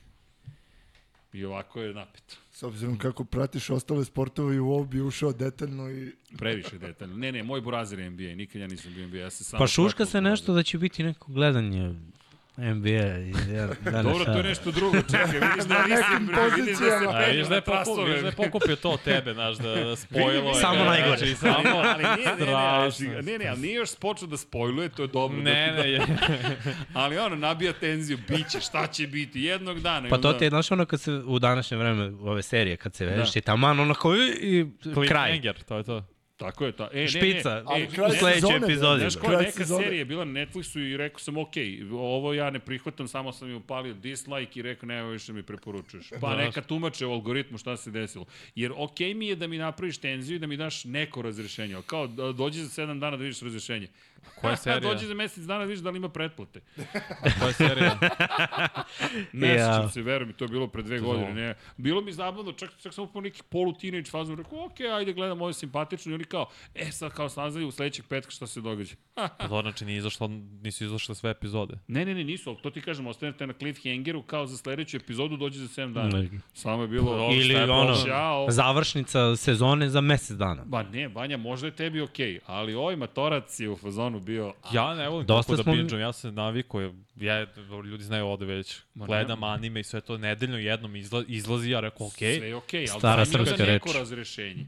No, ali ti si mnogo mlađi, znaš, meni manje vremena imam na ovoj planeti od tebe, znaš, ja sam nema vremena za ove cliffhangere, Ne, znaš. ne Kakav razumem, mladić. Ovo je to 20-im ko cliffhanger i za 7 dana, za 7 dana. Danas sam- imam vremena sve bliže- danas. Bliži sam kraju za 7 dana, da li si svestan, ko će da čeka 7 dana je. Zato ćemo da snijemo inače tri puta dnevno 99 yardi, da ne biste čekali. Ša, ne, anime sve to. Ovo su ozbiljni, ne, ne, ja sam se šalio. Pušti Srki špicu, vidimo se za neđe dana. Ne, znam zašto ste me zvali. Hoćete da me zadržite do Patreona, pošto niko ne čita osim mene. Ovo, daleko smo. to. Daleko smo. u Da, vidim da ste daleko. Nemamo malo, znači ajde šta malo. sata. Sad, brate, doći za dva dana na Merdevine nazad i... Ideš Rafi. Ideš Rafi. Evo, pa kao. Da, bukvalno rečima, ali dobro. Kažu, da li ste videli što se Travis Kelce nabadao na treningu? A jesam, Vidio sam. to. Pa, Ali aj miksa ti reci, ja znam u rukometu kako je to izgledalo, davnih 80-ih, to je bilo uobičajeno stanje stvari, ne znam kako je bilo kod vas u fudbalu. to uopšte ni ne gledam kao nešto. Pa ne, pa i pa, vidi, ja kažem, možda sam u drugom vremenu odrastao. Znaš šta mi je bilo, na, znaš šta mi je bilo najjače Da. jednom? Igrali smo protiv Hrvata u tekmi, mislim koji smo, ono, uništili smo ih. Ne, bilo 60 nešto nula, i ni važno. Sve u svemu, ja imam dva, tri hvatanja, fade me promaši kube, znači sve vreme pričamo daj luk, da, da mi ne ode lopta ispred, ja pretrčim lik, on mi da projektil, ne mogu da je uhvatim, a ono, livada ispred touchdown. Posle mi da screen, ja izbacim jednog, izbacim drugog i ono, na ovoliko od end zone padnem. Mislim, obore me. I ja izgorim i krenem da napadam loptom. Ono na zemlju. Vuk je prenosio tu deglu na, na sport klubu tada. I, i šalje mi poruke, brate, sve u redu, šta ti je bilo, što si nervozan? Ko, brate, nisam nervozan. Mislim, znaš, ti to ni ne primeti, neka te iz frustracije, mini frustracije koje, znaš, ono, već sledeći play blokiraš da, za touchdown za ekipu, ali u, u fazonu si, znaš, ono, uopšte to ne gleda, te tuče, pa, evo, jedan od mojih najboljih drugova, ja Luka, mm. -hmm. Razumeš smo se tako upoznali što je mene povukao za face mask, ja njega, malte ne smo se pošibali prvi trening, družimo se 20 godina. Da, ovo je bio bespotreban udarac, nije ga safety sad nešto Ma znaš koliko udario toga jako, ima, nije ali znaš koliko šta. toga ima, brate, nije Da. to, to ti je normalno. ne bi ja tome pridavao prevelik Ma značaj. nije to znači, je- ne, samo bespotreban. I on se posle odme kao, Pa znamo, treba bude je- bolji lider i emocija. to je to, čao zdravo. Ali to Paja stalno priča, dakle, stalno priča, konstantno, tu upravo tu priču da, da čoveče, zamisli si na mikrofon na malom futbolu, pa te, ta, to da ode u etar, ja mogu slobodno da, da, da se povučem iz javnog života. Šta ti, pa to je, ma, to je teren za mali futbol, to je, tamo izlazi stres. Sad zamisli profesionalce, naravno, da izlazi stres na sve strane. A, ba nije samo stres, znaš, što američki futbol je poseban jer ima, to ti je neki zdrav način kanalisanja ne samo negativne energije, sve, sve skupljene, Pa je sport, sve skupljene energije, Ali znaš. mislim, generalno sport. I jedino mesto gde nikad posle ono, pola sata, na kraju treninga, gde te stvari se zaborave u potpunosti je baš teren za, Čekaj. ono, za američki futbol. Jesi nekad bio na ragbiju, KBRK protiv Žarkova? Bio sam, pa trenirali I? smo tamo. Brate, pa mi smo igrali, po, na Zabavno. početku smo igrali bez opreme. Pa vidi, Igrali smo američki futbol koji je ragbi. Ne, pa Razumem. ragbi, ja se sećam to 90-ih. I to je sve prijateljski, Partizan, to je- KBRK, Žarkovo, ali tad je pravila su bila ko, ko je na terenu sme da se bije. Ne smeš da uđeš van terena u teren da se Kao biješ. i u hokeju. To ti je tako, baš kao u hokeju, ali ljudi to je baš bilo nasilje, to, to, to pola ih dolazilo da se zabavlja da izbije tuča, krene mele i haos opšte. Inače, pošto, kada ste igrali protiv Hrvatske, Krorobi, Ne, ba neki njihov tim. Krorobi, hoćemo da organizujemo neku akciju da igramo zajedno. Gde nam je Krorobi? Flag Jedan- futbala igramo. Ja. Flag futbol. Hrvatska, Bosna, Crna Gora, svi se skupimo, napravimo regionalni turnir 99 yardi. Generalni pokrovitelj Huddle. A, jel, jel može? A? Mm. A? Šta kažete, generalni pokrovitelj Huddle? Ja ste kažem Pepsi, ali može. Pa, e, to je bolje, oni će, da, dobro. Jesi, za malo, za malo. a, jedva čekam saranja sa Pepsijem se nastavlja od, od septembra. Inače, pozdrav za ekipu iz Pepsija, zato što su super cool ekipa ljudi i nije samo što su nas podržali, nego što su negde deli naša razmišljanja i našu viziju, to je lepo čuti, nije, nije klasično ono, e, mi ćemo da sponzorišemo, aj pričate lepo o nama. Ne, nego su ljudi došli i rekli mi hoćemo da podržimo emisiju o američkom futbolu. Mi smo se malo zbunili, ali lepo je bilo čuti tako nešto i rekli su mi smo naišli na vas i mi pa želimo da radimo s vama. I mi smo rekli i mi želimo da radimo s vama. Lep je osjećaj, samo to hoću da kažem. Se javlja ekipa, hoćemo regionalni turnir. pa naravno. A? Kaže, Srđan rešio koleno da nam počupa. Kako, kako ja kolena, ja, meni su kukovi. Ne znam da li ste se gledali kombajn. Vidio tog uh, kombajna. da. Ali sada, da ali, da ali sada, je, sad je mnogo pokretljiviji nego što Ma, je bio. važi što sam pokretljiviji, imam još... Niste ga videli na Niste ga videli na Merdevinama. Da. E, znaš kada kažu ono, u komentatori ka- kad se izvije neki hvataš da dohvati nešto, Da, da. he climbed on ladders and bo- e vidi, malo pre bilo napeto, bio sam solo, malo počelo se ljulja, rekao dobro, balans još uvek je dobar, ne, znaš, a onda razmišljam da li da bacam opremu koja vredi ili da padam ja opremu da čuvam, znaš, i onda razmišljam, odlači se za drugo. ne znam se bio fazonu, nemoj da padneš, možda je to najbolje rešenje. Ja stvarno sam razmišljao, ok, možda je trebalo sačekam Srkija velikog zapravo u celoj priči, ali dobro. Srki Ej, hvata i opremu i tebe. Dosta sam vas omeo, što bi se reklo. Izvinite za, za di, di, di, disturbance in the force. Hvala, brate. Keep up, nastavite da, da radite. No. Zapravo, zaista mi žao što ne mogu da se pridružim, ali ovo moramo da završimo, pogotovo što smo Luki i Kuzmi obećali da će sve biti spremno za ponedeljak. Imamo još da testiramo brdo nekih stvari. Inače, oni koji ne znaju, Luka i Kuzma prave svoj studio i da znate, nema nikakve svađe. Toliko smo se posvađali da mi pravimo studio, ali poenta jeste da to su lepe stvari, da se razvijaju stvari, da se sve više snima, da i oni žele mnogo više da snimaju, mi želimo mnogo više da snimamo i da stvaramo i jednostavno ne postoji prostora dovoljno, a imamo samo jedan studio na kraju univerzuma i onda smo se dogovorili da ljudi da vam nekako pomognemo da, da imate svoju priču, a to je i dalje neka priča, ne mogu kažem zajednička, ali nikad to neće biti odvojena priča, jednostavno Luka i Kuzma su drugari i, i ja dočekam da vidimo u novom studiju kako će da idu, idu stvari i podržite ih, malo ću u početku dok se pohvataju sve, jel te, dok stigne kompletna scenografija, dok se sve namesti kako treba, na istom su kanalu na kojem su bili Luka i Kuzma košarkaški podcast, ja koristim samo priliku ko ne prati, da, samo da se razumemo, mi ne gledamo to kao jedan na jedan je košarka, Luka i Kuzma su košarka, mi smo konkurencija. Ne, mi smo deo iste ekipe u kontekstu toga da su pre svega njih dvojica ljubitelji košarke i podržavat ćemo svi, sve što se događa na tržištu, dok god su ljudi normalni i jel te, pozitivni. Kako, kako? Ne, ne, ne, baš, baš, baš ti lepo to Ne, ali ja ispričao. stvarno duboko verujem u to i, i, i ne vidim potrebu za nekim konkurentima u tom kontekstu. Daj Bože da do, dođemo do tog stadijuma da kažemo, e sad je toliko sve razvijeno, toliko se priča o košarci, toliko je sve zapravo urađeno na pravi način, možemo i da se takmičimo jedni protiv drugih. To je isto sasvim normalna stvar, ali za sada, daleko smo mi još od tih stvari. Ajmo mi da, da se držimo zajedno i da pričamo druge stvari. E, vi imate prvenstvo uskoro, je li tako? Mm, mi. Pa vas Da. dvojica. Ja, Svet ima. Svet ima po vas, dvojica ste svet. Da. 99 yardi je svet. Biće, Biće. biće. čekam sezonu. Znate vi koliko sam ja uzbuđen što će biti Pa, sezona? Ja bi bio uzbuđen da imam Rodgersa isto. De, A da nisam imao Kotreka 50 Ja bih bio godina. uzbiđen da sam iza, iza... ali ne ima ne ima još jedna ne ali ima još jedna stvar ja gledam sad iz druge perspektive ja ću malo sad na sideline što se tiče NFL-a i to mi je sad razmišljanje moram priznati sa psihološko navikavanje prvi put od 2015 neću komentarisati utakmice i razmišljam šta sad to znači kako da to sad gledam uopšte Šta ćeš ti s Ne, tolkim ozbiljno, vremenom? Kako, neka, šta ću, razumeš? Znači, to znači da verovatno ću gledati sve tekme sada. I, i Sunday Night Football, i Monday Night Football, i Thursday Night Football, jer ne komentarišem. Ćutim. Možda ne baš da ćutim, ali gledam. Znaš, to će isto biti zanimljivo. Dobro, vi pite Ivan. Jao, Srkije. Ćemo da sednemo za sto i da kažemo, komentarišemo kako komentarišu Miksa i Vanja. Zamisli mene da komentariše pa u nesvest. a on- Ne, ne, komentarišemo njih. Šta priča ovaj Miksa? Daj, nemoj. Ti znaš šta je on istričao. e, inače imamo pitanje pet puta za Sekuanu Barkley da malo prokomentarišemo ugovor. Mislim, ti nisi bio ovde kad smo, Šta Komentarisali ugovor. kad smo pričali o, o running backovima i o ovoj novoj Pa eri gde se oni ne cene da, da. mnogo. Mislim, ono, činjenica da je tržište takvo danas. Tako je. Tako oni posmatraju tržište, ali eto, Sekuan se na kraju izborio za, za neku svoju priču. Pa, Pa dobijem milion viška. Što mi neko i ne da se izbori, ali ok, jer sledeće godine ponovo mogu da mu stave franšizni tag i da se desi op- opet ova situacija maltene. Pa dobro, znaš šta, ali evo, mo, moje glediš, a Srki ti reci svoje mišljenje.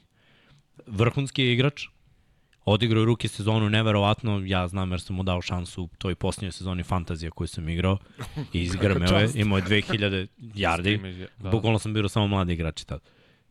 Posle toga dve godine povređen. I prošle godine izdominirao. Znači od četiri odigrao dve. Ne, ne, ne, bio je povređen drugu godinu i igrao je treću. Samo se vraćao iz povrede. Igrao. Tako je, i to se ne računa kao vrhunska produktivna godina za novce koje on traži. Znači, ako želiš da budeš plaćen kao najbolji bek, onda svake godine treba da budeš među najboljim bekovima u ligi. On od četiri godine, dve godine je bio među najboljim bekovima u ligi. Ne može da traži iste pare kao institucija Derrick Henry ili strvina Nick Chubb. Mislim, ne može. Može, Može, ali ali, dobiti. vrlo verovatno neće dobiti jer ekipe traže, znaš, da pokažeš neku konstantnost. E sad, dolazimo do toga, ok, Borazeru, dokaži ove godine. Dokaži ove godine, iskidaj ove godine i dobit ćeš dugoročni ugovor.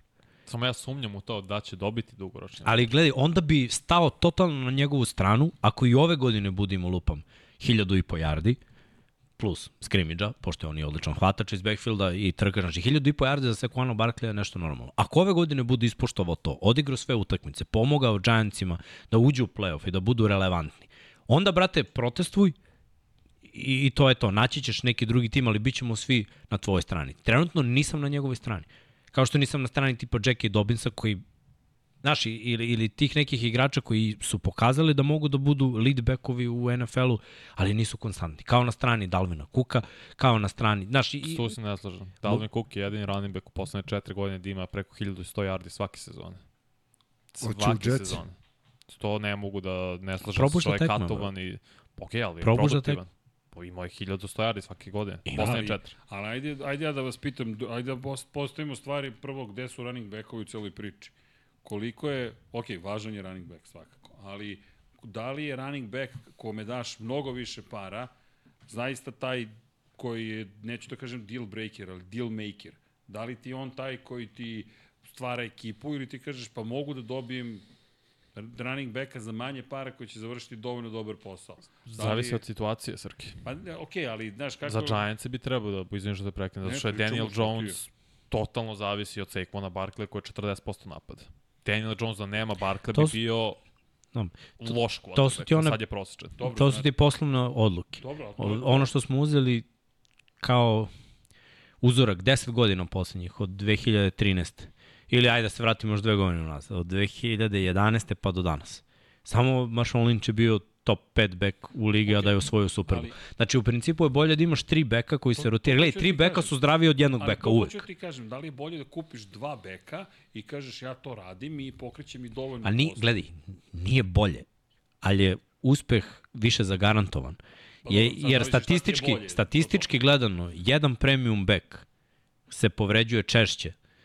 I naj, Više ne postoji ni jedan zloupotrebljava. Znači, od kad je Frank Gore otišao u penziju, ne postoji ni jedan back koji je 10 godina ono, igrao i bio nepovređen. Čak i Adrian Peterson je propustio jednu sezonu zbog, zbog kidanja prednjih ukrštenih. Znači, nema, uh, Christian McCaffrey bio top 5, dobio ugovor, povredio se. Derrick Henry povredio se. Chubb je propustio neke tekme. Dalvin Cook je propustio neke tekme. Ja ne znam beka koji Čad nije... je tu najkonstantnije. Pa da, ali pazi, i njemu se desilo da, da ono, Pa, ne možeš, nosiš loptu dve, mnogo, da. povređuješ se. Zato je isplativije da, da, da imaš više bekova. Ali onda ti se odgovor sam nameće.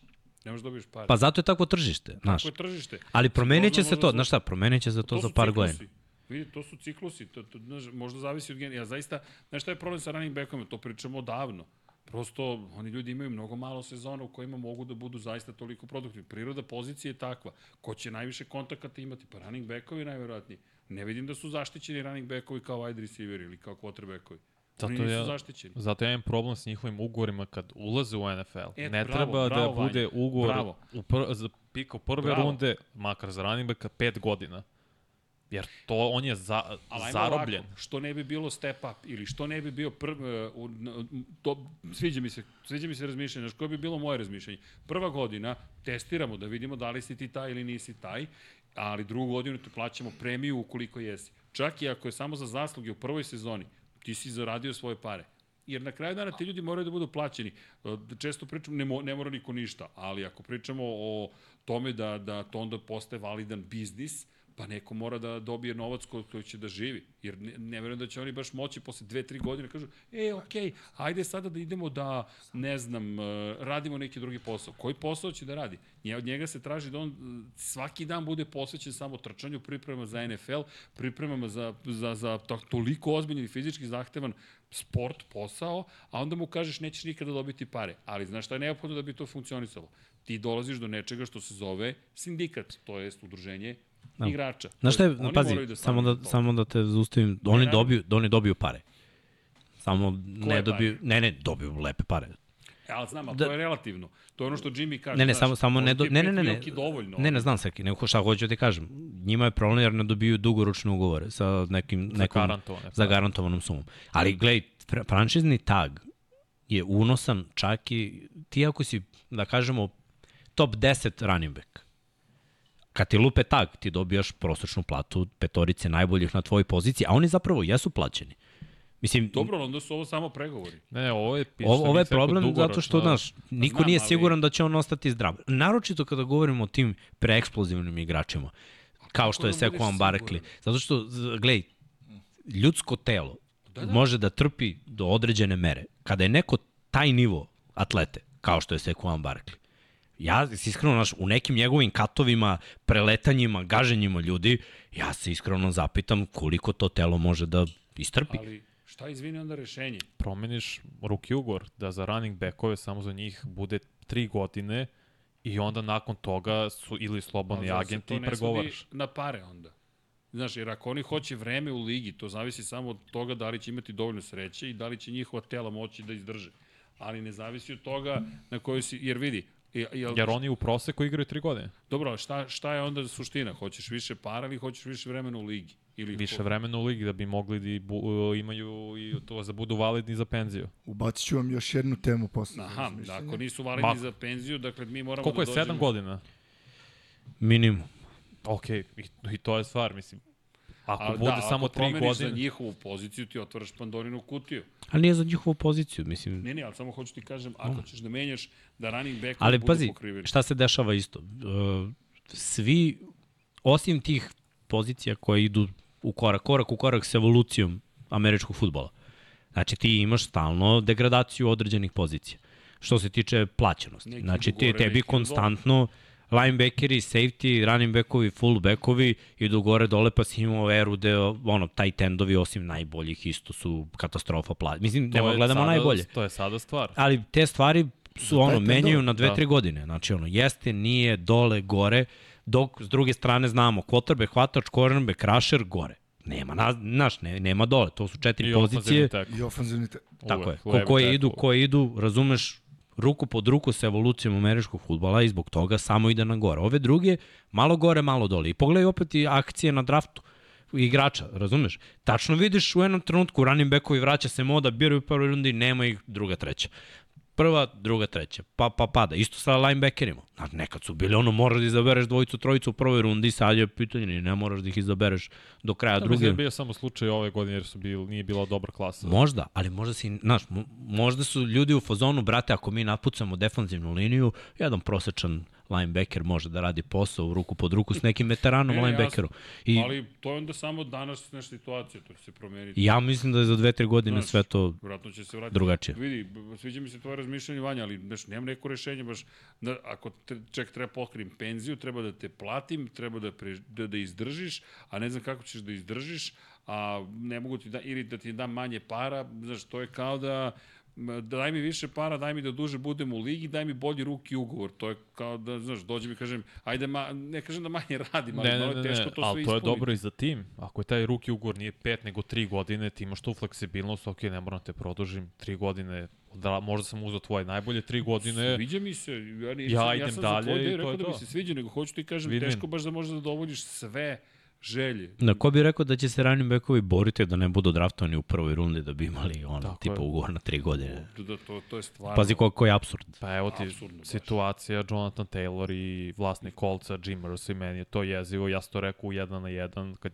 kad smo radili pitanje ovo, govorim, meni je sada Jim Mercy zvanično najgori vlasnik u NFL-u jer nema Dana Snydera.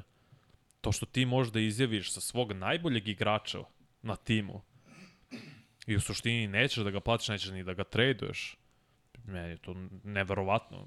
Mozak mi je bio oduvan kad sam to slušao što je on napisao na Twitteru i, što, i kakve intervjue je davao. Dobro, ali ajmo ovako, šta je njegov interes? Ja ne Čiji, branim trkače čiji- ili gazde? Gazde?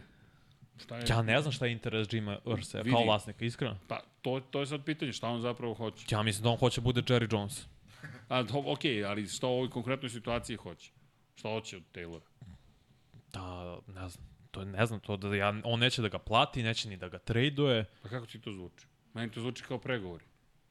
Vršim pritisak Da. dok, dok se ne, ne, ne na... I mislim, To su ti pregovori. imaš moć, znaš, ti kao vlasnik, to je to ono što neke pozicije ne mogu još uvek da, da razumeju, znaš, da ti kao running back nemaš moć, a kao vlasnik imaš moć.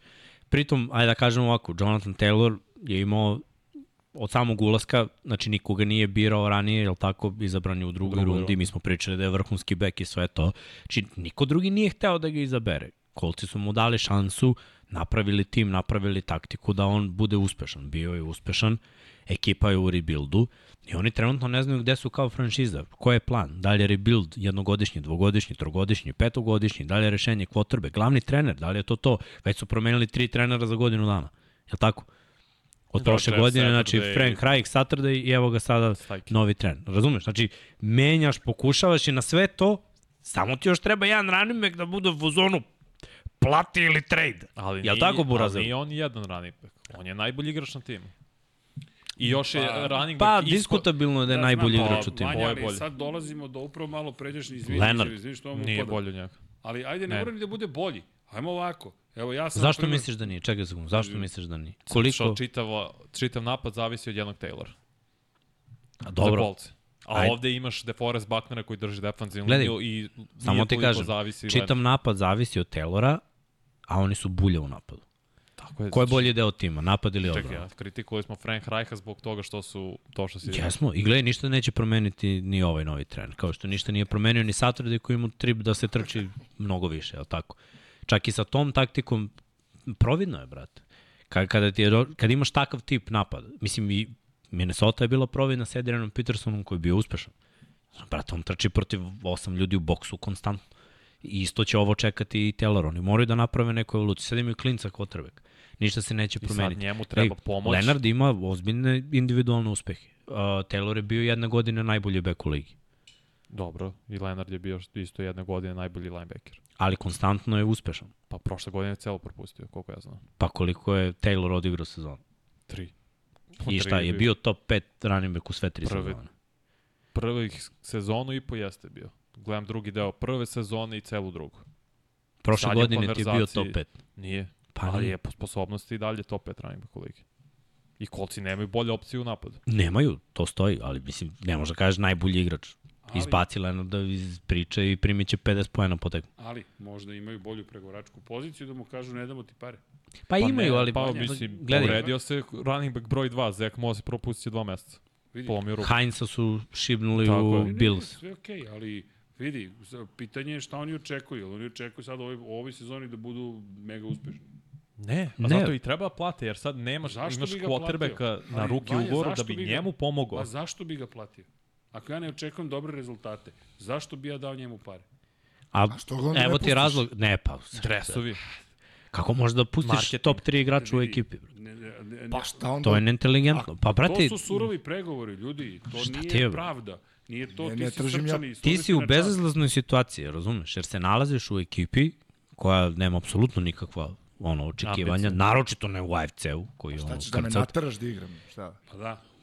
Brate, kako da ne igraš, shvataš, sr- Nateraću ti da potpišeš. Mene, mene samo ovo zanima, kako ne shvatate da najviše ako neko ne igra, igrač trpi. I koliko puta je bilo da igrač neće potpiše i da igra i na kraju nestane.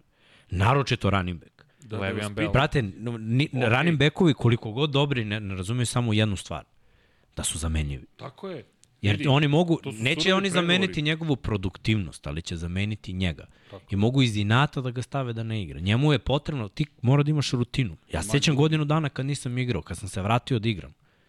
Neke stvari koje sam rutinski radio lagano, s pola gasa, sad sam morao baš da se koncentrišem, fokusiram i potrudim da bi to bilo tako. Samo zbog jedne godine. Ispo si iz ritma. Le'Veon Bell, najbolji bek po mom mišljenju u tom trenutku je bio. Jeste. Sa njegovim stilom trčanja. Jednu godinu is, iskulirao, pauzirao.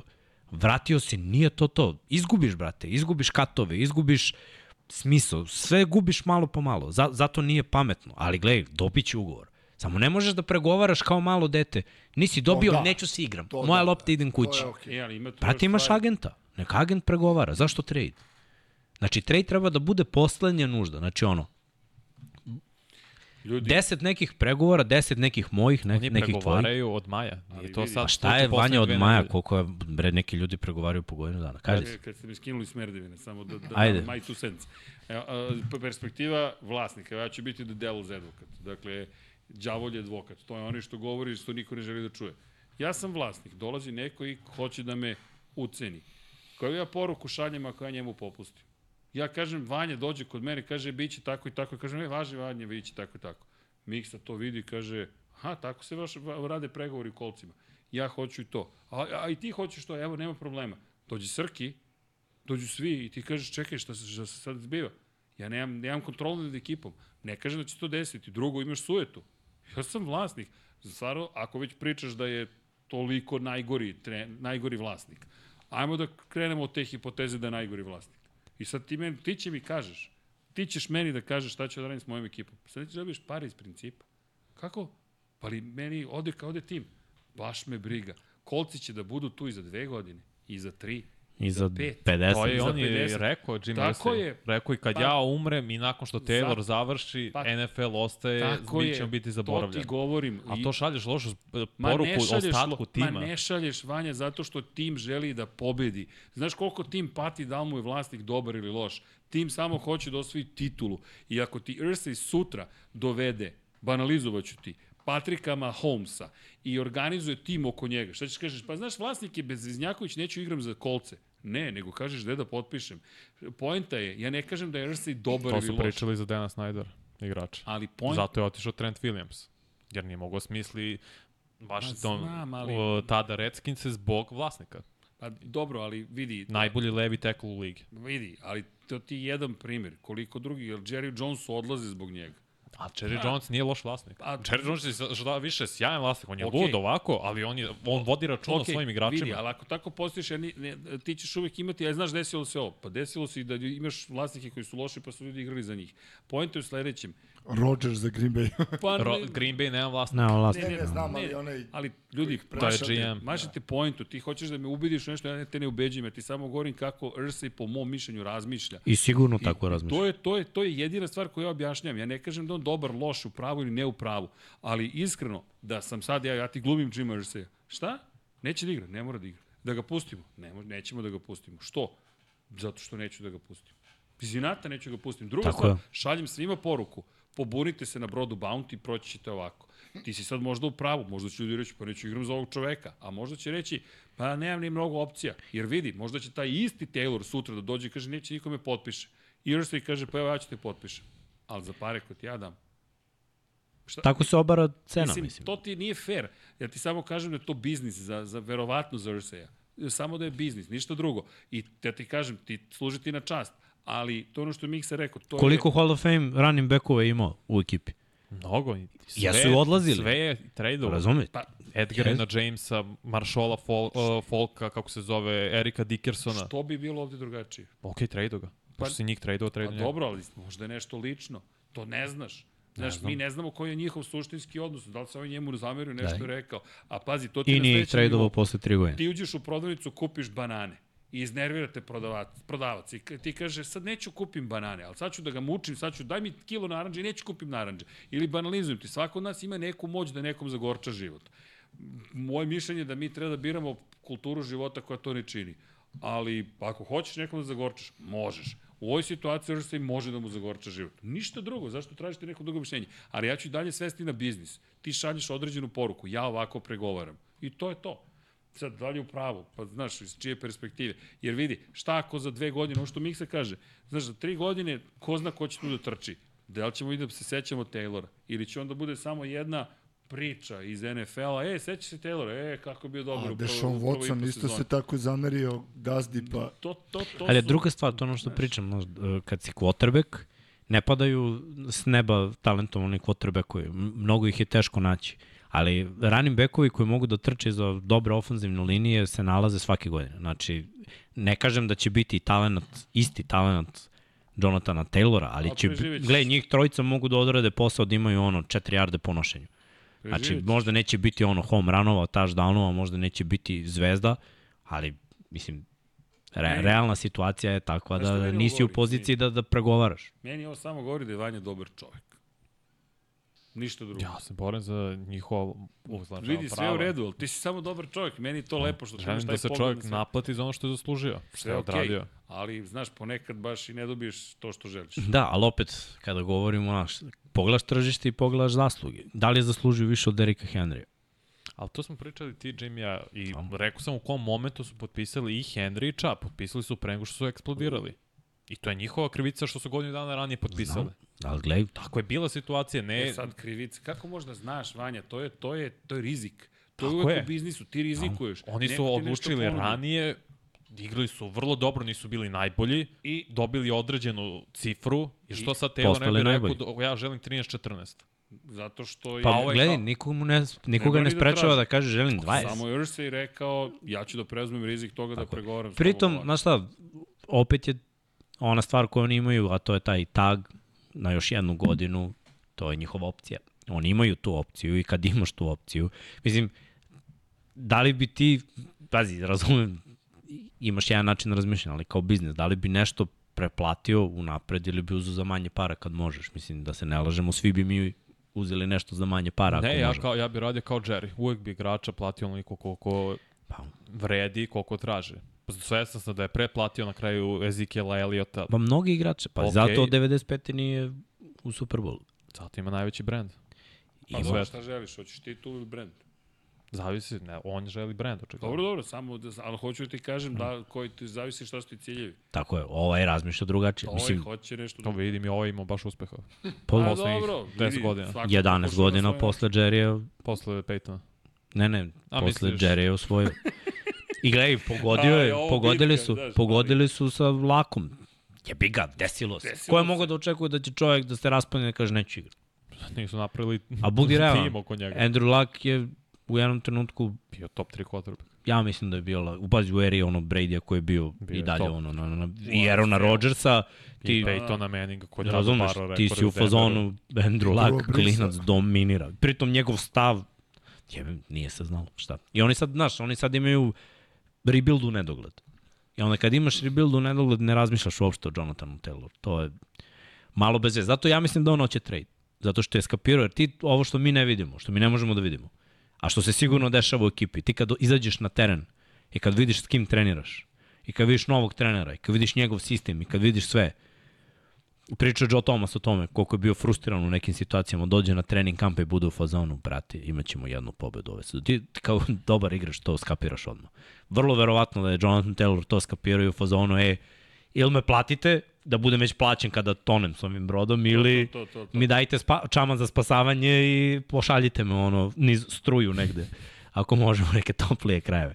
Pa ta, tako mi deluje da, da je to jeste, bio njegov rezum sve pregovora. A ovo je bio fazonu, ne, Neće moći. neće može, brate. Ima budeš ovdje i da igraš za male pare. Što je malo glupo, ali šta se radi. Dobro, ko zna. Možda na kraju, kada dobije neko svoje zadovoljenje, kaže, ok, idi. Pa vrlo verovatno, da, to je. Možda on hoće nešto, možda on isto čeka da Taylora traduje za nešto ili nekoga koga on želi. Jer Da li gled, sad mu je da najgluplje za- da ga traduje. Jer im je pala cena. Pa da, Ali ako ovaj odigra dobru sezonu, i evo ga draft, da ga Za utopiš pikove. za pika prve za runde. pikove. Ako bude tipa imao, kao što on može, hiljadu i po jardi. Utopiš ga za pika prve runde, bu razeru. Či, isplatila se pregovaračka taktika. Da. Koliko god zvučalo surovo, Pa, ali ne može da ga utopi jer mu ističe ugovor. Mora ga produži. On ne može ga traduje nakon sezone. Pa dobro. pa to znači u novembru ga traduje. A on je rekao neću ga tradovati do oktobra sigurno. Ej, pa Osim ti ako se ne sve, predomisli. znaš šta se sve kaže u životu. Pa ne, ja samo Ej, kažem što je to izjavio. Rekao je ovaj da neće trade Pa do da. Dešona, pa se neće ko godinu dana, pa ga Pa tradovao ga na traduje. Ma On vidi. se neće zato što je mogao, jer je bio ovaj pod ugovorom. I nije Pa išao, dobro, ne, otići nije mogu nigde. iz, iz ekipe, ovi će mu reći ko što sam te jedne godine. Ha, ha. Pa, Mislim, možeš i to da gledaš tako, koliko god zvučalo, čemu i zašto. Kažem ti, dobro, dobar si čovjek. Kaže Đole Broncos, mi smo platili Patrika tri godine, prve ACL u predsezoni, sad Ahilova nismo imali pet minuta. Ali dobro, to, je, to, su ta, to su ta pravila. Da, šta da radiš, te stvari se dese prosto. Tako za ovaj drugi hvatač što sada ima pro, uh, probleme sa srcem. Isto i Hamlin. Hamler. I on će isto propustiti neko vreme. Ne, Denver se baš To samo zbog komentara Shona Paytona. Eto, vratilo se. Karma. misliš. U, Ja verujem da jeste. Pa, mislim, komentari ni, su uh, trenere? prvo njegovi komentari su bili na mestu, ja nemam problem s komentarima. Bio je poprilično oštar, Pecko je malo na tenela malo Heketa. Naravno jača pecko, ali Da, to okej. je neki kodeks koji je prekršio. Nepisano pravilo, ne treba da svog kolegu javno toliko kritikuješ. Pa dobro, Vanja, Posebno da, malo mi je ta karma kolegu od Arona bez veze ako je kaznila Pa pazi, dva igrača. Rodgers ima šamana, pa ti vidi. Pa ne, okej, okay, ali ka, znaš kako to meni izgleda? Neko drugi napravi problem, a ti kažnjivaš mene, jer sam posredno povezan s tom osobom. Pošto karma kazni njih dvojicu, što ne Šona Pa Payton. ne znam. Malo mi to, su, nije mi to baš to... Sud me radi nekim čudnim putevima, ne znam. Futbolski Čekaj, bogovi. šamane, polako stani, pa do, pa čekaj, Šalim udarili se, ne, po ovim se, oko njega. ali...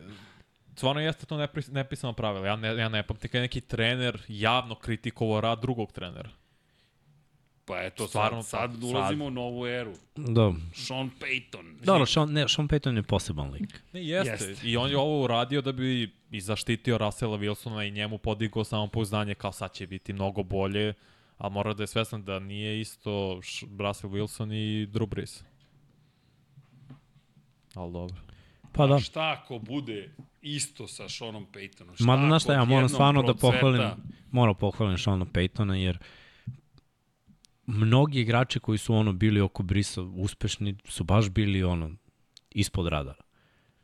Vidi, Znaš, ja ono, da, ja, kao, da on dam ti jedno ime, ono. Marquez Callaway, koji je ono, vrhunski hvatač bio u Sejncima, realno gledano, verovatno se mnogi ni ne sećaju tog imena, ni, ni šta je lik radio, ni kako igra u većini ekipa, vrlo verovatno da ne bi bio na tom nivou. Kako su godine prolazile, brate, koliko je to ljudi prošlo kroz taj sistem. Pa Jimmy mnogi Graham su bili, je najbolji primjer.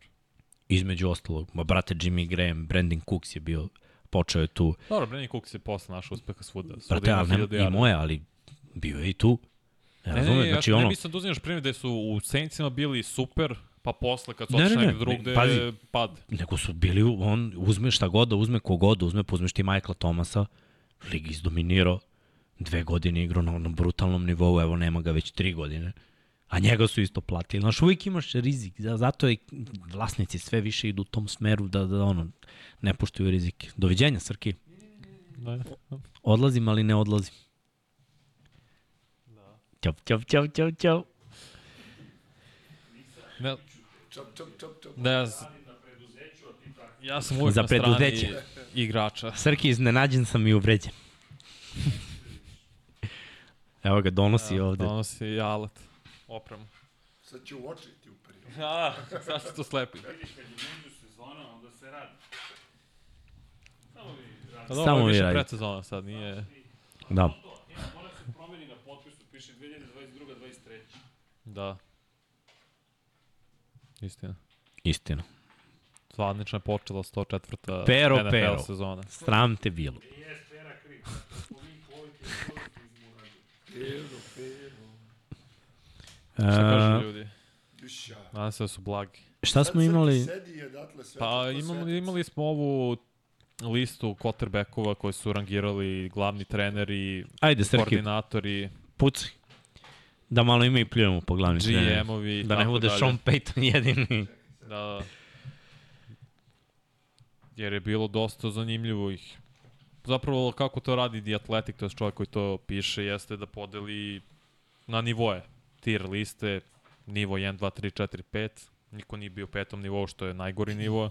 Hoćeš od trećeg do četvrti Čekaj, a ili pe, prvo uh, 30 Mike dvojica. Sando, 30, ne računa ruki, ruki quarterbackova. Dobro. 30 quarterbackova. Hoćeš od pitanje. 32. ili Kažu? Trevon Diggs potpisao novi ugovor. Jeste, pre nekoliko dana za Koliko Cowboys. para? Ne, sam lagao ću ti, morao bi sad da vidim stvarno. Ali lep je ugor. Pa Nije oborio rekord i sve to, ali... Je 20. Sad ću ti kažem. Ne znam. Da li smo pričali o Nengaku i Mercedesu Luisu? Jesmo. 197, 5 godina 97 miliona. Pa dobro, skoro 20. Skoro. Biće ono uz interceptiona i neki bonus je da se to podigne. Na, na 20 po sezoni. Lep, lepa kintica. Je li, Vanja, čast. hoćeš od trećeg do četvrtog ili od Kako prvog do drugog? kaže? Sve jedan. Ajde, onda ćemo... Ajde od prvog, od najboljih. Od najboljih. Da vidimo da li je elita elita. Zavisi koga pitaš. Aha, imamo i nivo 1 i nivo 2. Vidi kako se zeleni. Emo, ovaj čovjek dođe namešta reflektor i ovo mi zelenu boju svuda ubaci. e, ali dobro, vidi ova neon zelena, kako mm. grmi. Znači, nivo 1, Patrick Mahomes, Joe Burrow, Josh Allen, Aaron Rodgers, Justin Herbert. Dobro, nemam zamerke. Nivo 2, Jalen Hurts, Lamar Jackson, Trevor Lawrence, Doug Prescott, Matthew Stafford, Deshaun Watson, Kirk Cousins. Imam zamerku. Deshaun Watson i... Ne, ne, ne, Da, Deshaun Watson je bio super zvezda i on trenutku. Zašto Trevor Lawrence u nivou 2? bre? A šta, sam samo da definišemo šta je za njih nivo 1. Nivo 1 je zapravo za quarterbackove koji sami mogu da vode svoje timove do pobede. Na nedeljnom nivou. To je nivo 1. E, brate, imaš tu neke iz nivoa 2 koji I rade to. I brate. nema zapravo rupe u svojoj igri. To je nivo 1. A nivo 2 ti je isto ovi igrači samo ne mogu da rade, to je isto ovi quarterbacki samo to ne mogu da rade konstantno, imaju rupu ili dve u svojoj igri. To je definicija njihova. Šta je nivo 1, šta je nivo 2. A šta je, ko, te, ko ti misliš da iz nivoa 2 treba u nivo 1? Niko. Smatram da Trevor Lawrence ne treba da bude u nivou 2. Zbog? Zbog... Nadaša Bekvalac mi prvo pada. Da ja, a, zbog, brate, jer imao pola sezone. Toliko sam ja video Trevor Lawrence. Pola sezone. Ne možeš da odigraš pola sezone i da budeš... Vrati spisak. Da budeš rame uz rame sa jednom super zvezdom koja je bila nekada sa osvajačem, znači 5000 yardi osvajačem Superbola, sa konstantnih 4000 yardi svake sezone, sa bivšim MVP-em i runnerom koji je doveo ekipu do Superbola. Mislim, mnogo su ostvareni svi od Trevor Lawrence u ovoj situaciji. Trevor Lawrence je prve sezone bio katastrofa. Okay. druge sezone pola, pola prošle godine je bio kanta, ozbiljna. Ima fumblove, ima interceptione i onda odjednom postao dobar igrač u drugoj polovini i pre svega glupošću Chargersa do pobede u, u play-offu. Znači, mi ne ocenjujemo ovde potencijal. Mislim, mi. Ovo je nečija tuđa lista, Dobro. ali da li ima potencijal da bude nivo 2 ili nivo 1? Da, ali daj mi uzorak. Znači, uzeli smo mu Nivo pola, tri- pola sezone i stavili smo ga ono među ove koji se cimaju ono 4, 5, 10 godina da, da rade na tome da, bude, da budu na određenom nivou. Evo- Ne, to je, brate, nezasluženo. Evo šta ti nivo 3. Nivo 3 su ti kvotar... Ne, ne, ne, vrati, posle ćemo njima. Samo da definišem, to je njihovu, da pročitam njihovu definiciju nivoa 3. To su quarterbackovi koji su legitimni starteri, ali kojima je neophodna velika, to je poprilična količina igra trčanjem i vrlo, vrlo dobra odbrana. I da se ne, da ne zavisi od njih da e, izvedu korektno dodavanje i da imaju taj o, o, o, presudujući, pardon, odlučujući moment u utakmici. Kad kažeš Znači, igra ne zavisi od njih da li će pobediti nužno ili ne. Kad kažeš igra brate, trčanja da se nikad- oslanjaju na, na, Na running back ili na svoje trčanje. I na igru trčanja da se oslone. Realno gledano, mislim, malo je sve to glupo, zato što svaki quarterback je najbolji na ovom svetu, zavisi od toga kako je igra odbrana. Mislim, da li bi osvojili Chiefs i Super Bowl da Bolton nije iznudio fumble i vratio ga za touchdown. Mislim, sad oni malo se proseravaju, po mom mišljenju, ali dobro. Pa jeste, brate. Kao, znaš kao, ovima ne treba niko u Pa dobro, ultimativnom timskom sportu, a ovima treba sad kao i odbrana i ovo. Ne, ja. ne, ne, ne. Ja ću da ti kažem, oni su tal... ne, ne, nisam manje ne su... treba ne, ne, od- znam šta si rekao, nego njihovo ocenjivanje je malo kretenski. Realno priča jeste da su oni zbog talenta, klač momenta, mogućnosti da bace svaku rutu, mogućnosti da igraju, pusti mi ovo tri, A, treći nivo. treći nivo. Svi su slabi pod pritiskom, kad uzmeš treći nivo. Kyler Murray katastrofa pod pritiskom, Derek Carr katastrofa pod pritiskom, Jared Goff katastrofa pod pritiskom. Russell Wilson je znao na početku svoje karijere da Pre. beži izlazi od pritiska, ali sad je i on mnogo puta pretrpeo sek. Tua katastrofa pod pritiskom, Jimmy Garoppolo katastrofa pod pritiskom, Daniel Jones protekcija lopte katastrofa pod pritiskom, Gino Smith prvi put je ove godine imao vrhunsku protekciju vrhunskih hvatača, ali realno gledano u svojih 10 sezona bio katastrofa pod pritiskom. Justin Fields iskreno highlight quarterback za trčanje, Tako nisam video mnogo, pod pritiskom lik beži na sve strane, nađe rupu i trči. Ryan Tannehill, katastrofa pod pritiskom, Mac Jones, katastrofa pod pritiskom. I tu treba da gurnemo i Lorenza zajedno s njima u taj nivo broj 3 jer je igrao dečko 8 tekmi u celoj sezoni. Gde je napravljen bio dobar sistem, imao je dobru ekipu, odbrana je povilenila, divizija se raspala. S negativnim skorom ušli u playoff i stave ga u Hurts nulu. ovde? Hurts ima najbolju ofanzivnu liniju, možda najbolji tandem hvatača pored sebe. Istrčao najviše 10. touchdownova u ligi. Ček, ček, top 10 tight enda, najbolju odbranu, to je odbranu koji ima najviše sekova, najbolji front seven, brutalne cornerbackove, par, vrlo dobar tandem safety-a. Oduzmi sve to Hrcu šta je on kao quarterback. Stigu do Superbola. bre. Zbog njih. Nije zbog njih. Jeste, Svi zajedno i zbog sebe, brate. Zašto je snik, Okej, zašto je Zato quarterback, imao najbolje hvatačke Čekaj, opcije. zašto je taj quarterback snik najbolja nezaustavljiva akcija? To je zbog njega. Zbog To je njega, jedan aspekt tako? igre. Zašto je Devonte Video Smith, sam ga prošle godine bez hvatača broj 1, AJ-a Browna i vidim ga sada. mnoge igrače smo videli bez... Znaš ko ovde je jedini na listi, a da nema hvatača broj 1 zasluženo na listi?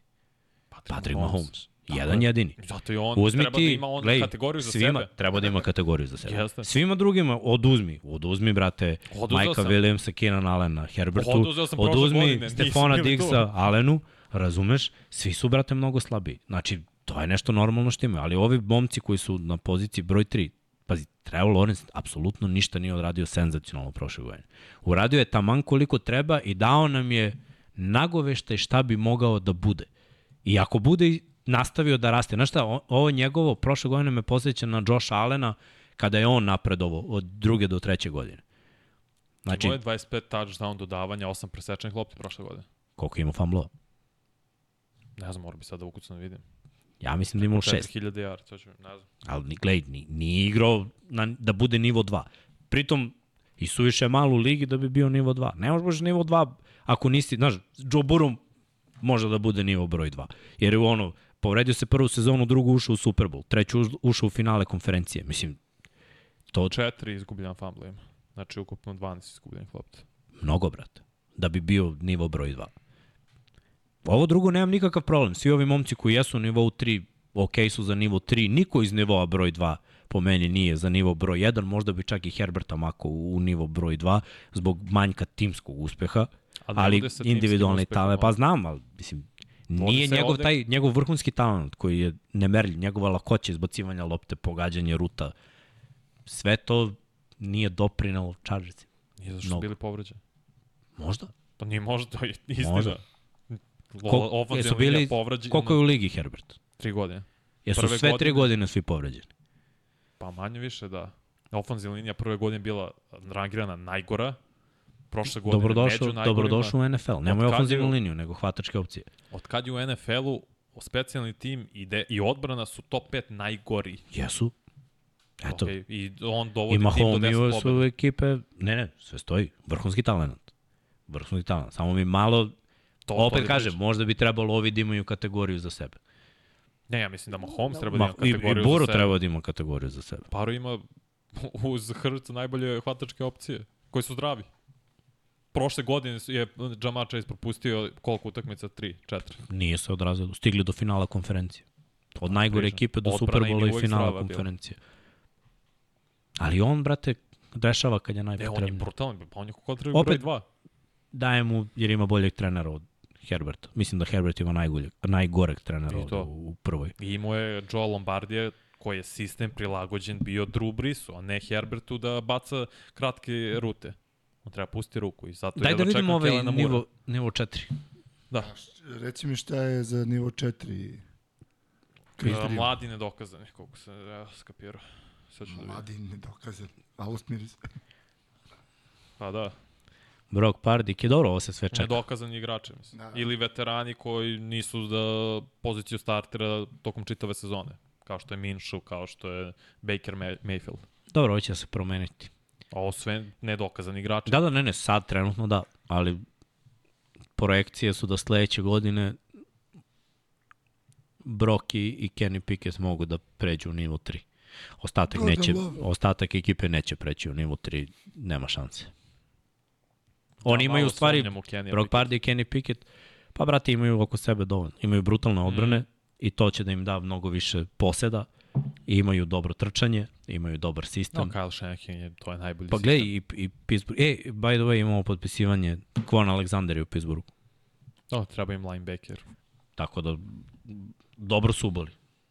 Odličan, odličan igrač na, na poziciji.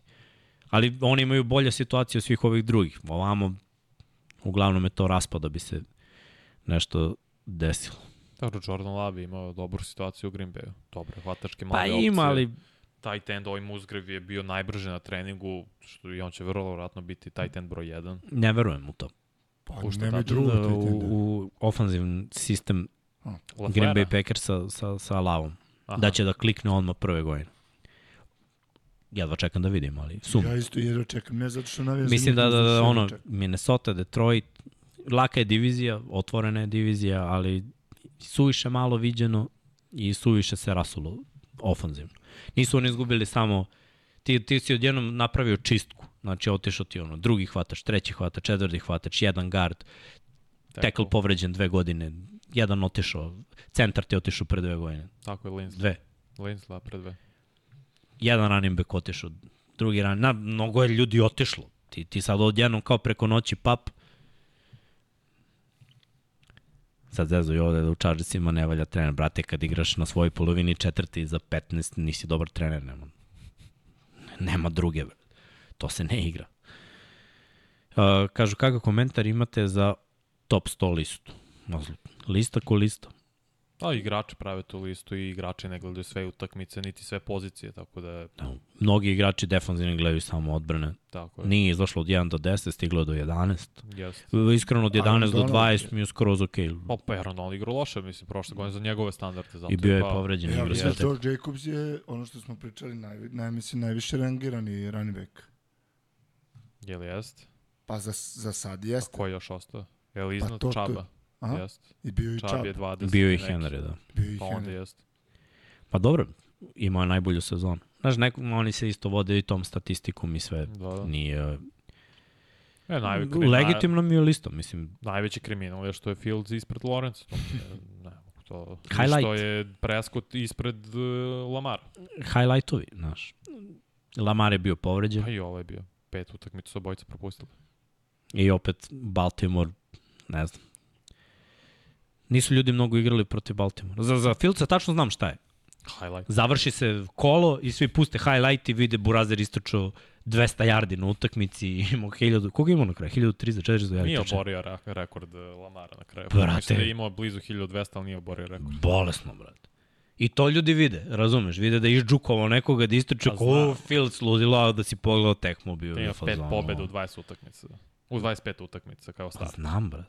Ali nije ti ovo kao ti, ovo da je baš bukvalno individualno, jer ako si igrao protiv njega i promašio tackle, ti si u fazonu, wow, inače bi oborio, razumeš, da je neko drugi i zato ga staviš. U tome je fora. Naročito mladi igrači, koji sad sve više glasaju, ne znam da li si primetio, u ovim intervjuima, najviše pričaju mladi igrači koji su tek došli, oni su svi maltene, Drže se, da. znaju jer su generacija. Naravno će da glasa pre za njega nego za dedu. Kog dedu pričali su o Lorenzu? Ne, ne, ne, u Lorenzu, nego lupan za neko ko je tu dugo, razumeš, ko igra. I Rodgers je bre, i da nije igrao, ne može da bude 51. jel tako? Da. Mislim da se ne lažem. lošu sezonu. Ima Prijavio. lošu sezonu, brate, ali Aaron Rodgers, Mađija. razumeš? Da, on sad je najbolji ortak sa ovim klincima iz Jetsa. Pre svega sa Sosom Gardnerom. Da, sam. Glumi Kirka Cousins, još samo čekam Kajla da, da mu stavi. I Stavimo košulju Kajlo. s kratkim rugajima. Da mu Sos Gardner Kajlo, kupio mu Kajlo s brojem 18. I stavio mu na vrat. Srkić, ti kupimo Kajlu. A, samo ukoliko piše, ali Jets, Jets, Jets. Ja sam mislio ako piše Lab 76. Pa, Pa čekaj, jer smo sad u 99 pa kako yardi. to veze ima? Ne, onda mora Lab 76, 99 yardi, 1 na 1, kosmos. Čekaj, brate, E, kapicom. e, Infinity nismo još potpisali ugovor. Nismo potpisali sa ugovor. sa Pa šta sad, jednom šta, Kajlom, ste pa se dobro. otvorili, pa naravno. Ajmo s jednom da Bolje krenemo. da ne spominjem kako je Ada Ciganla izgledala 90-ih sa Znaš šta, Kajlama. kupite mu samo Kajlu i zakačit ćemo ovu tablu sa vratom. To ti kažem tabla, ali od zlata, a od zlata srki. A od zlata da mi vrat bude Belo kako zlato. treba. Ne Belo belo, zlato. zlato, to zašto A ovi belo? dijamanti... Ne, belo. Belo je neka druga priča. Ovo ili nosiš ili ne nosiš.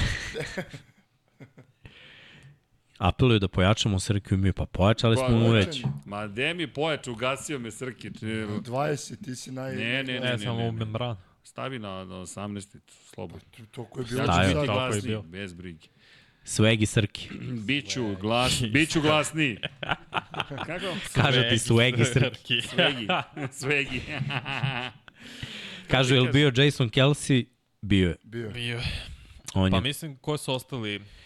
Chris Jones, Kelsey, Mahomes, Justin Jefferson, Hrc. Hurts. Barrow, Hurts, Tyreek Hill. 6, Hill 7,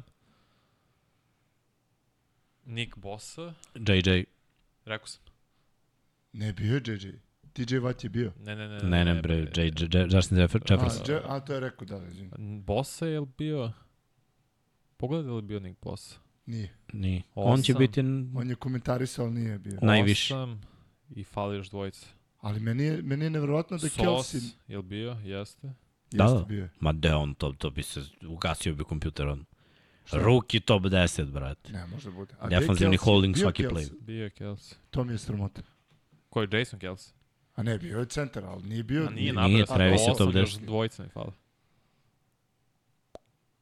Bio je i Jamar Chase. Da, Trent Williams je bio. Wow. jeste.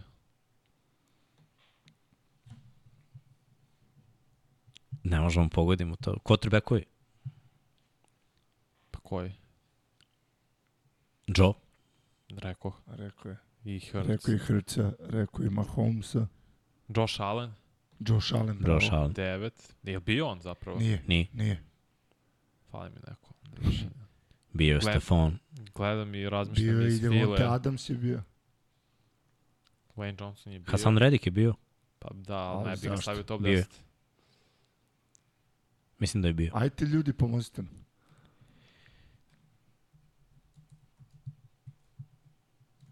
Znaš da pojma nema. A da nije Bosa drugi? Ma ja, Ne. nije on imao tu sezonu.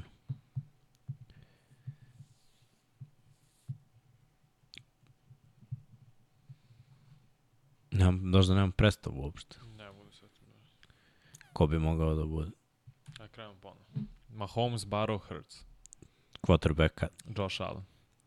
Dobro, Justin Jefferson. dobro. Kelsey. Terry Hill. Tyreek Hill. Chris Jones.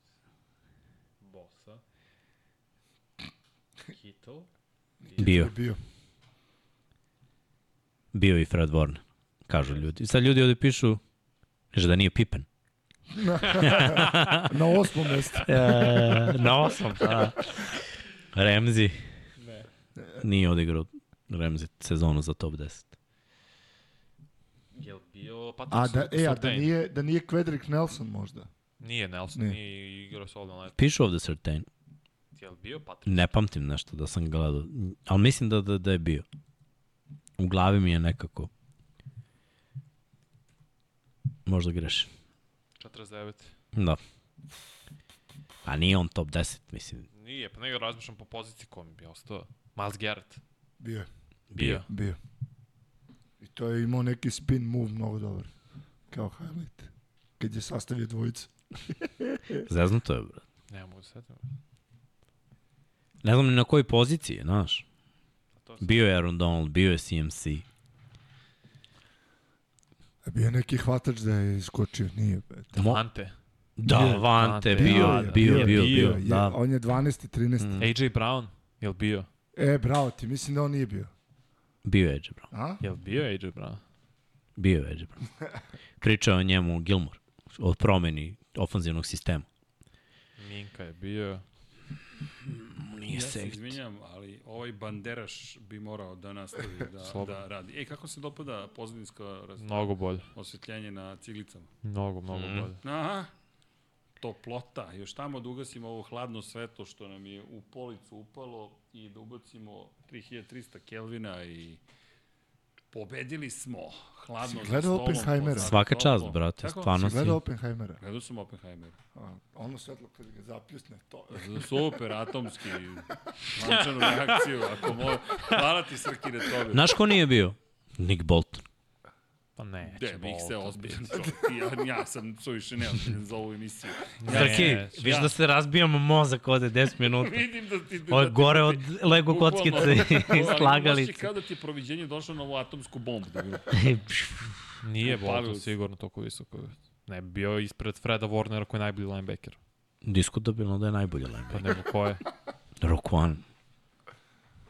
S onom defanzivnom linijom Roquan bi zgrmeo, bre. Dobro. Se ne lažemo, promenio dve Like, ekipe, share dečko subscribe.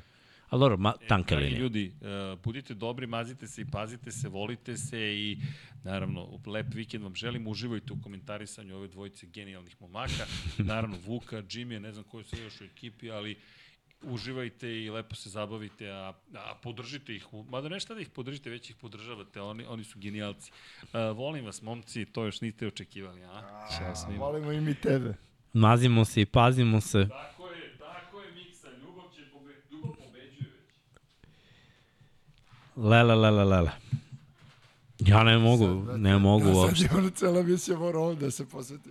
Kažu centar iz Chiefsa, ne, možda bude centar u top 10. Creed Humphrey. Ne veru, nije bio na listi. Pa Ali nema ljubavi iz ofenzivne linijaša. Ako je tackle, Trent Williams nije u top 10, a tackle je najcenjenija pozicija, neće ni centar da bude u top 10. Parsons Majka je, Ne mora 100%. da... Aha. 100% nije bio. nije bio. Ja mislim da Majka nije. Parsons. Ili, sad ću mislim. Ili... Majka Parsons. 100%. Nije bio Parsons. Parsons treba da bude u top 10 lik igrač šta hoćeš, bre. Da, nije bio 100%. Parsons. Jeste, majka. Eto. Odali smo vam i To ko je top rešeno. 10. Klikći tamo. Ajmo like za ovo mozganje. Majka, pa. Imamo de, u 99 yardi imamo 99 lajkova na 158 ljudi u live. Carski. Dobro, ništa. Ajmo pitanje i odgovori. Ajmo.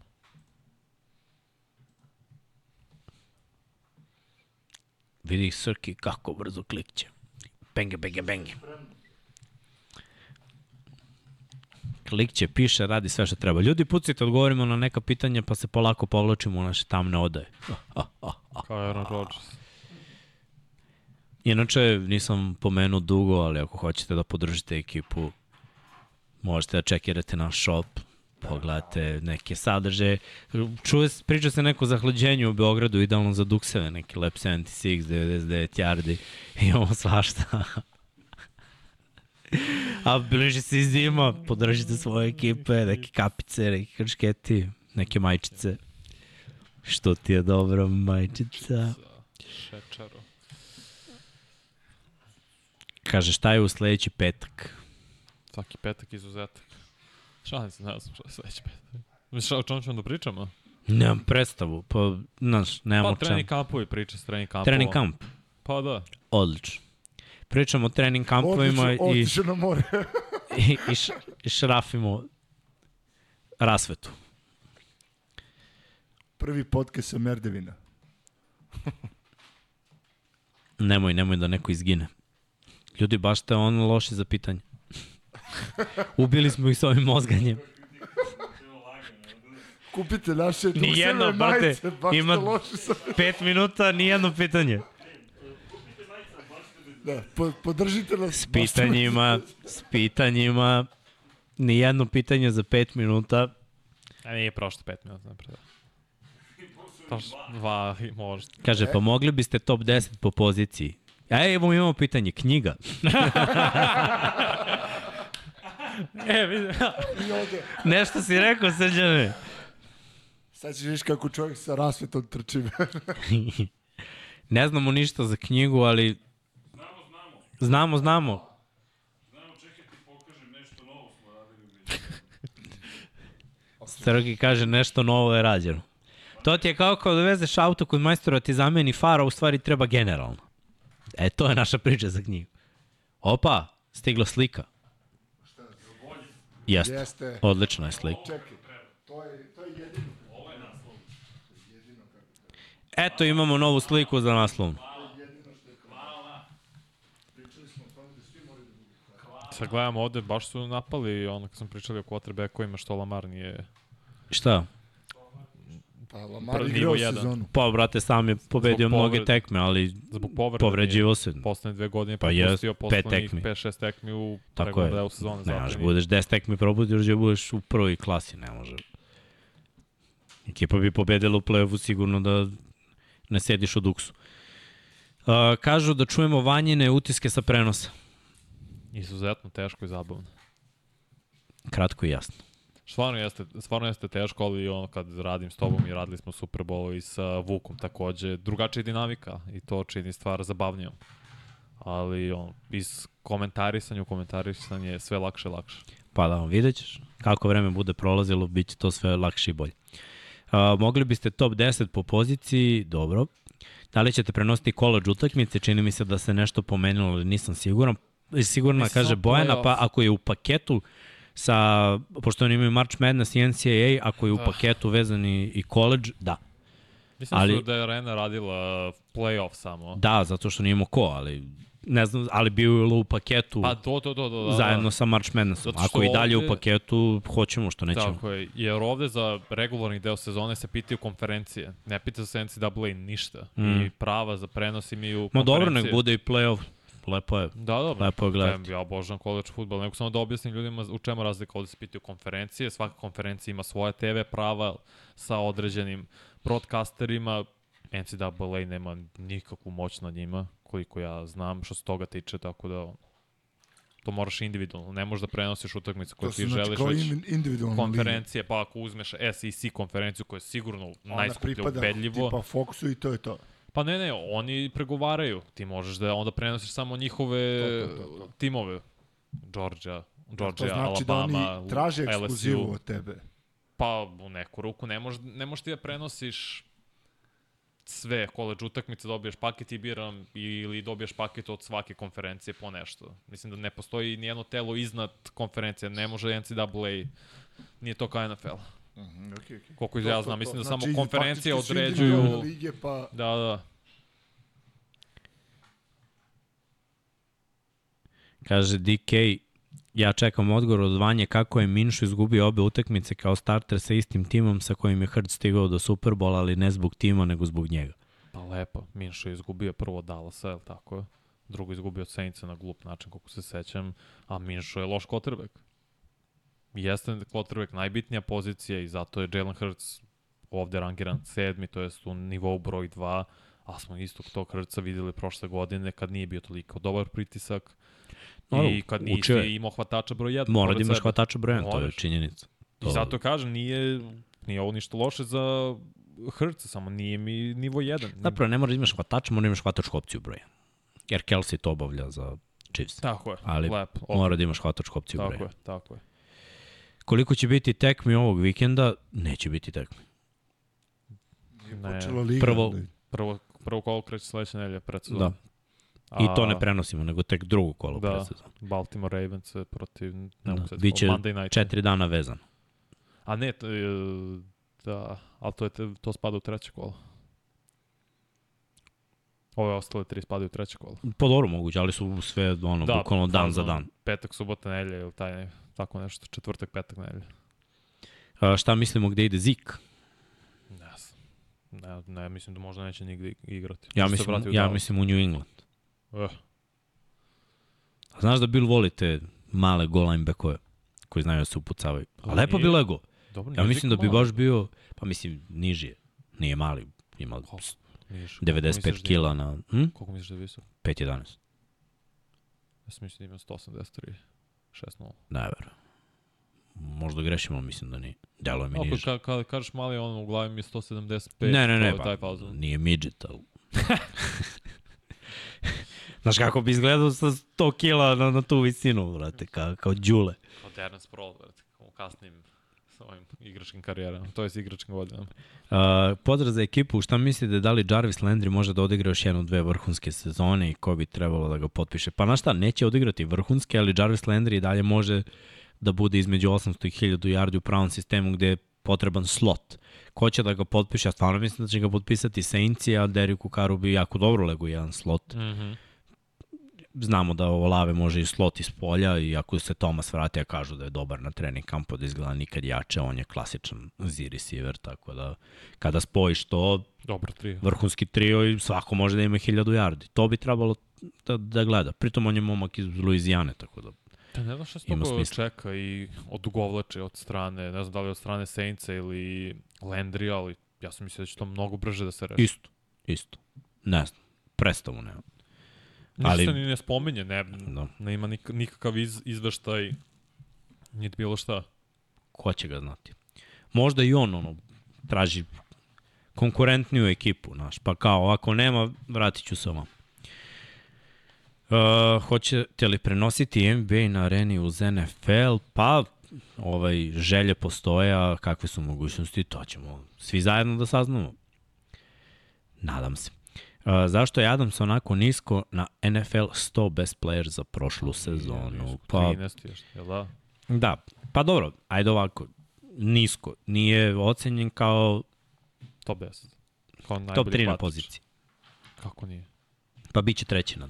To, to da. Uh, realno sezona je bila takva da se ekipa raspala i to je pokvarilo utisak vrhunske sezone Devonta Adams. Jer je bila vrhunska sezona i on je radio posao, ali malo je timski utisak pokvario. Terry Hill je otišao s Patrika Mahomesa na tu i izdominirao sezonu. Imao najbolju JJ imao... Ne, nije imao. JJ imao. Ne, ne, najbolju svoju sezonu Aha, Aha, to ima da. Tyreek Hill. JJ imao nerealnu sezonu Jeste. i oni moraju da budu ispred, mislim, još, kažem Malo opet, vrlo verovatno da ako ocenjujemo kompletnost hvatača, on je meni bolji od obojice. Ali je Ali- blizu Justin Jefferson. Ali je ta, ni, Jefferson nije Hill. dobar bloker, brate. A Devonta Adams jeste. Tyreek Hill je jako Ne, dobar ja bloker. mislim pričamo o Pričamo o rutama. poziciji. Sve mora da uzmeš ovde. Kad ocenjuješ hvatača, ne možeš da gledaš samo jarde hvatanja i sve to, rute, jer to je jedan segment igre. Drugi segment igre je izblokiraj čoveka da running back trči. Tu je Justin ok, Devonta Adams je boj, Terry Hill je odličan bloker. On stvarno ima želju jako brzo stigne i do drugog nivoa da napravi blok. I mnogo puta zavadle je blokirao ljude, znači on je trči svoju rutu, iz rute ide u blok da mu raskrči put, brate, to je za svaki respekt. Tako da ono, tanke su tu linije. Devonta Adams ima najbolji release, Tyreek Hill je najbrži, JJ u momentu breaka trči najbolje rute. Ali sam početak rute Devonta Adams je savršen. Tako da ono, tanke su linije, nije uopšte loše biti u top 3 na svojoj poziciji kada su ovakvi hvatači u pitanju. Tako da nije on ništa oštećen. Možda je trebalo u top 10, ali onda ćeš da ocrniš neke druge pozicije. Kako da nećeš da staviš četiri quarterbacka u ovoj eri kad su quarterbackovi dobri ili dva pass rushera Ja ne u znam da top stavio 10. Josh Allen iskreno u top 10. A ljudi ga mnogo poštuju, zato što je. sve radi, brate. On sve radi. Pa ne, stavio ga ono, Koordinator mu jed- kaže spakuj loptu i trči, pregazi trojcu, on, brate, ide. Uradit će to. Razumem, Svakako. baci 50 yardi, baci 50 yardi. Uradi, znaš šta god da mu kažeš, on će da uradi. Da li je bila malo slabija sezona, da li je više rizikovo, da li nije bilo timskog uspeha, da, ali brate, to je za svako poštovanje. Ti kad igraš protiv njega, znaš, moraš da mu daš taj maksimalni respekt. Zato je on u top 10. Zato što takve igrače, ti kad vidi koliko je srčan, mnogo je srčan lik. I, I to dosta poštuješ. Zato mislim da, da će on biti u top 10. A brate, da ne budu ono Parsons bossa, Chris Jones koji je ono i u play-offu izgrmeo. Znaš, ovde se ne gleda samo regularni deo, nego ceo ukupan utisak. Mahomes. Teško je. Uh, Da. ko, je omilje, ko mi je omiljeni član Wu-Tanga? Method Man, bez premca. Vidio sam juče sliku kao u Men's Healthu, poslao sam ti Vanja, Da, Method Man 50 i basta. 50-godišnjaci. Kakva ekipa, brate. Ušli u teretanu, maltretiraju decu, uzimaju im tegove 100%. bio je metod med, rekao sam ti, na trening kampu Jetsa. Dao im neki mali govor, uzo autogram od Rodgersa. Tako da je bilo lepo to vidjeti. Anthony Davis potpisao novi ugovor 3 godine, 186. Le, le, le, le, le. Strašno. Dobro, tri godine bolje nego pet. Moji su bolje za Lakers. Ja ne verujem koje pare, brate. Za... Ne verujem i dalje. Evo, gledam i pogled ti nevericu na mom licu. ovaj. Svaka čast, brate. Svaka, čestita momku. Stvarno čestita. Bravo. Svaka čast agentu. bre. Svaka čast i agentu. Rich Paul. Kako je, da, Rich Paul je agent. Eskridge isto suspendovan šest tekmi. I Omenihu, ovaj definitivno nijaš sad novi Chiefs. A sve više i... Chris, ovaj, da, Jones neće ni, ni da trenira zbog ugovora. To nismo rekli. Neće ni Zach Martin, isto za Dallas Cowboys. A Martin je realno najbolji Martin je, brate, Najkompletniji. najpotplaćeniji Da, da, da. ofenzivni linijaš u ligi trenutno. Sramota, brate. Drugi gledaju njegov film da uče kako se igra. A mislim će ga rešiti to Jerry, da će dati ugovor. Ma treba da mu da, brate. Stvarno je ono. Pritom je poslednji. Famer, on ti je on first Poslednji, ballot Hall of Fame ma da, brate. Ali ja ne, ne znam koliko je više do Dallasa, brate, koliko je njemu do, do tima. U smislu? U, u smislu da li hoće da igra za njih. Što ne da igra? Ma hoće da igra, neće igra Srki za, za onu bedu, brate, koju Pa znam, dobija. ali da, da li mu je do, misliš da bi možda želeo da pređe u neki drugi tim da ima Ne. šansu Ma uzme ja. titulu? Ne, a? Dallas ima vrlo dobar tim. Da, vrlo, u NFC-u Dallas je na, da dobiju 49 konačno od nekog uspeha. Znači, Da. njih, oni odrade posao i dođu do 49 i to je kraj. Znači, samo treba da zaobiđu taj deo kostura i, i to je to. Uh, kaže, it's cool, mora se uzimat arena, Klaus, zbog vas nema se drugog izvora. Da, tako je, nego kako. Kaže, kad prelazite u novi studio, pa vidjet ćemo polako, ali sigurno širimo se, širimo se, ovaj, ne po kraju, nego ovako kao, kao je produkcija. Treba nam veći prostor. Srki se vata za glavu. Uh, Calvin Ridley izgleda dobro na trening Izgleda. Viš kako je kritika urodila plodom, raspisali su se svi. O, imamo i svetlosna sablja. lightsaber. dobar. Šta mislite ofanzivnom teklu Andrew Thomasu iz Giantsa? Mnogo su ljudi nezadovoljni što se nije pojavio na top 100, a mislim da je generalno precenjen mnogo jer ne oskače utakmicama kao trend. Nema potrebe da odskače, radi sjajan posao na levoj strani Giantsa. Nema mnogo ljubavi za ofanzivne linijaše generalno. Da, on je bio treći i najbolji ocenjen prošle godine. Ofanzivni tekl, mislim Ti imaš dobrih linijaša koji nisu ušli uopšte u top Tako je. 100. Ofanzivnih. Nekako ih ljudi ili posmatraju kao jedinicu, ono kao Da, da, jedno. I Ili- samo ove koji su izvrsni, izvrsni, znaš ono, Lane Johnson, najbolji desni tackle, Kelsey, da kažemo, najbolji centar, Trent Williams, levi tackle, ostatak, Zach Martin, Garrett. malo ih je bilo da, znaš, da, da se pričalo. Da, ne znam ko je tačan broj, ali Andrew Thomas je top 5 na svojoj poziciji, stvarno i, i izraste još ima da napreduje i to je baš stravično. Ali igra, meni se sviđa kako igra Andrew Thomas i ovaj kako sa Alabama je Evan Neal, desni tackle isto Giants mislim da su uradili sjajan posao, što su dve godine sa redom prvo Tomasa izabrali, zatim Evana Nila pre dve, čini mi se, ili prošle, prošle zapravo su uzeli Thibodeau dva pika pre njega, tako da Giants su radili super posao što tiče ofenzivne linije. Ove godine su centra pokupili, koliko se sećam. Mm, Da vidimo, da vidimo, da vidimo dalje. Mm, Pitaju za broj utakmica, neće biti isti paket, bit će jedna utakmica od 19, jedna od 22 i 25 Monday, Sunday, Thursday night. Pet, Znači, pet. nedeljno. Eventualno ako bude bilo ono subotom isto se igra, Pa ili dva Monday, ali da, to, da. Da. to sve upada. Kao i tri za Thanksgiving.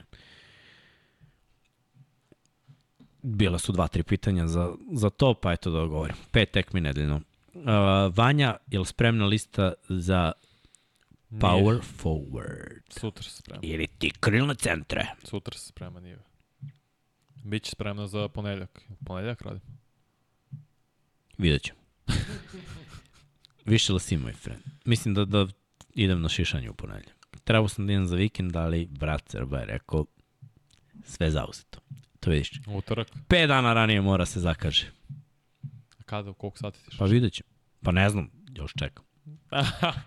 Čekaj te ubaci dalje. Da, brate. A, moj brat. Vidiš ti koja je to muka. Da, malo nam secka nešto. Imamo tu neki problem sa izgubljenim frejmovima. Imam problem s klimom. Molim te da. Pa sad ćemo završavamo polako, ne plači. Čovjek koji je prošli put, prvi put se žalio na klimu, znaš. A tek sam došao s mora. bro. A, ja, to je. Nisam navikao, znaš. Ali drugačije, znaš, kako tamo, peče. tamo mogu da izdržim 4 stepeni bez problema, ceo dan, Pa bez isto, klime i ja sve. Obožavam. U Beogradu, A, gde god. u Beogradu ne mogu. Pa zato što je drugačiji sijevo u Beogradu. I to je istina. Šta mislite o front 7-u Bengalsa ove sezone? Vrlo pocenjeni. I Hubbard, Pa i svake Hill, DJ Reader, Hendrickson, Logan Wilson. Baš mi se sviđa njihov front seven. Mm, secondary će biti upitan, ali Da, ovo to je ostalo su... katastrofa, ali front seven je legitiman. Pa nije katastrofa, bit će okej. Imaju neke nove momke. A, Pa dobro, imaju Dex, Dexa Hilla sa Michigana kog su draftovali Ja mislim da će Dex godine. baš da odigra dobro ove godine. Dobro, on je safety. Ja kažem, mislim, cornerback koji su mi stvarno grozno. Ne, Avuzije mi je startni corner, cornerback, to mi je baš upitno. Pik prve, bivši pik prve runde. Jeste, i pronašao se baš dobro. Pa dobro, što bio Nikol. Super Bowl, pusti priču. A, on dobar nikol. Nisu oni loše odigrali taj Super Bowl. Defanzivno. Bila bila dvojice- napeta tek. Ima su dva ozbiljna safety-a. No, Sad nema ni, ni jedan drug. Ni Bela, ni... Kako se zove? Jesse Bates. Bates. Bates. Dobro je što su... Bates. Bates. Jesse Bates. Ne, Dobro Dobro, što... draftovali su, izvini, sad setio ovog Jordana Battla sa Alabama, vidim kako će on biti safety u NFL-u. Volim kad draftuju sa velikih univerziteta, neko mi to daje neku vrstu samopouzdanja da će to biti okej. Pa, ili je to dobro ili prikrivanje, ali... Sad nas malo lože ovde.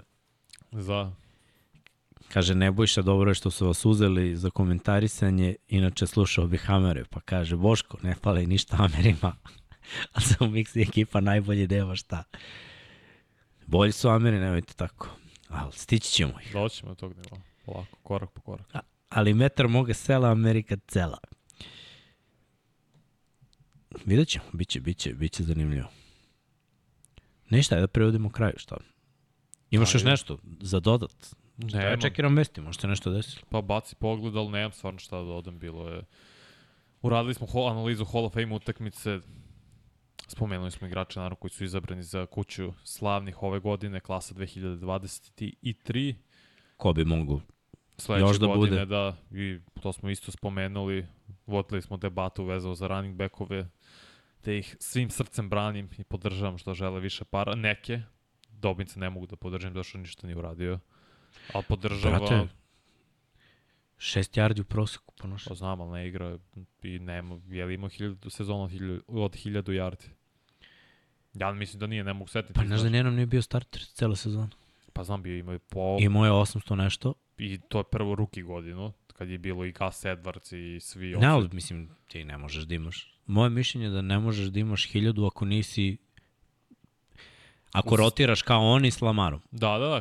Slaže se, zato i kažem, nije mi zaslužio da se bori za tolike pare. A, A ne bori se Barkley- za tolike, bori se za manje, ali hoće, Koliko? hoće, znaš. ugovor, hoće samo ugovor na duže. Aha, okej. To je što To je hoće. problem kod Baltimora, njihov sistem ne zahteva Imaš Lamara koji trči možda rotiraš. Potpisali su i Melvina Gordona, možda čovjek preživi trening kamp i bude u rotaciji takođe, tako da branim Barklija, Jacobsa donekle i sada Jonathan Taylor apsolutno. ništa, ovde potvrđuju kamera 3 utakmice zvanično. Dobro, Bilo je i spekulacija će biti šest, tako da je ovo Mhm. super stvar. Sve više i više uh, igrača hvataju na kockanje. To mi je presmešno. Ne mogu da verujem. Da, sve više i više igrača. Samo stiže svake nedelje neko obaveštenje, još dvojica. Pa još jedan. Pa ajmo još jedan. Mislim da je poslednji bio slučaj defensivni liniješ Broncosa baš. Aiden Hutchinson, top 25 u prodaji. Dresova, mrča, da. Možda veruješ, brad. Pa To mi je malo nerealno. Bravo, brad. Svaka Mahomes čast. je broj 1. Mislim da ima dva, tri igrača iz Dallasa, to, je, to su Prescott, Majka i CD Lamb, to ipak moć brenda Dallas Cowboys i najpopularniji tim na svetu. Barrow je tu, mislim da je taj Rick Hill.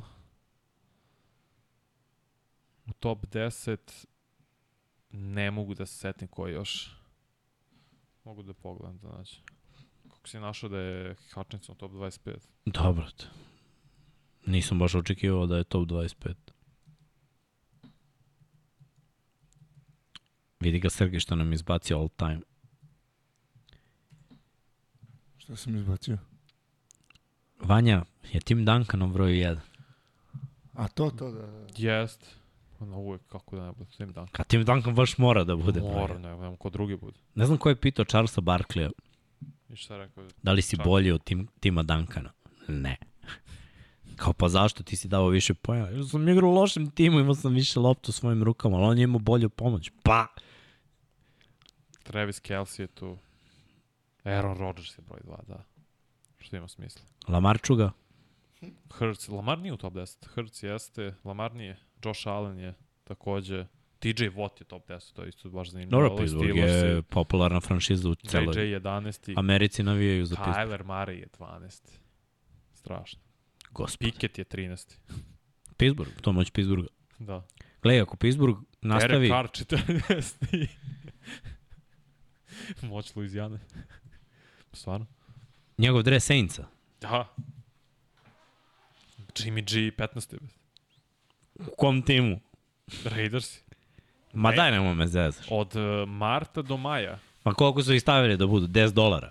Ne znam, ali znaš zašto Lamar nije? Pobiješ uz prašak. bre. A ne, znaš zašto Lamar nije? Zato što u tom periodu se nije znalo gde će igrati dalje. To je period od marta, čini mi se, do maja.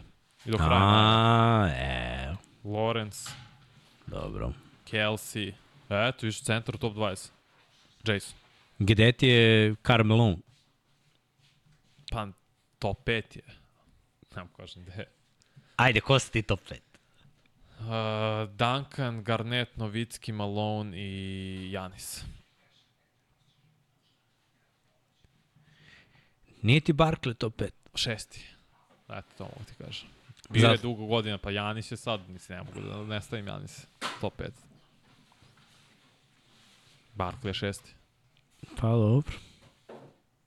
Nemaš zamerke, vidim. Pa imam, ali Zašto? Zato što Janis i dalje karijera traje.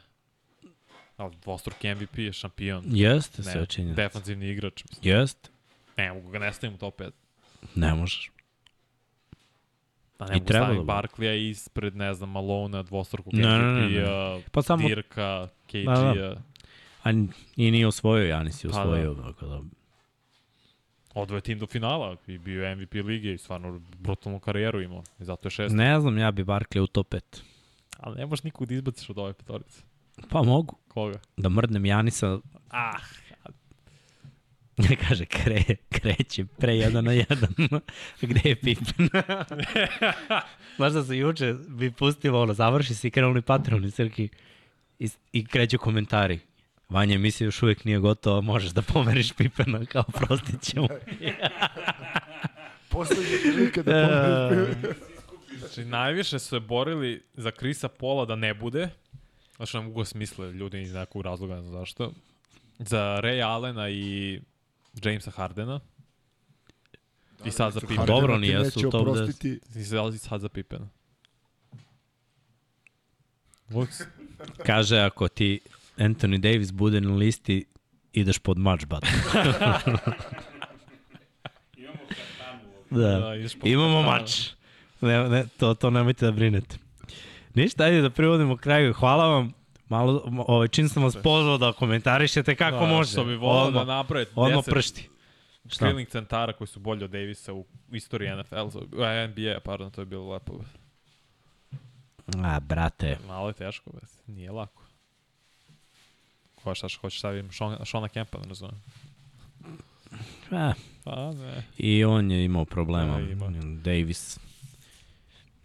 Davis je na kraju samo napravio pravi potez da je pronašao Lakers i Lebrona.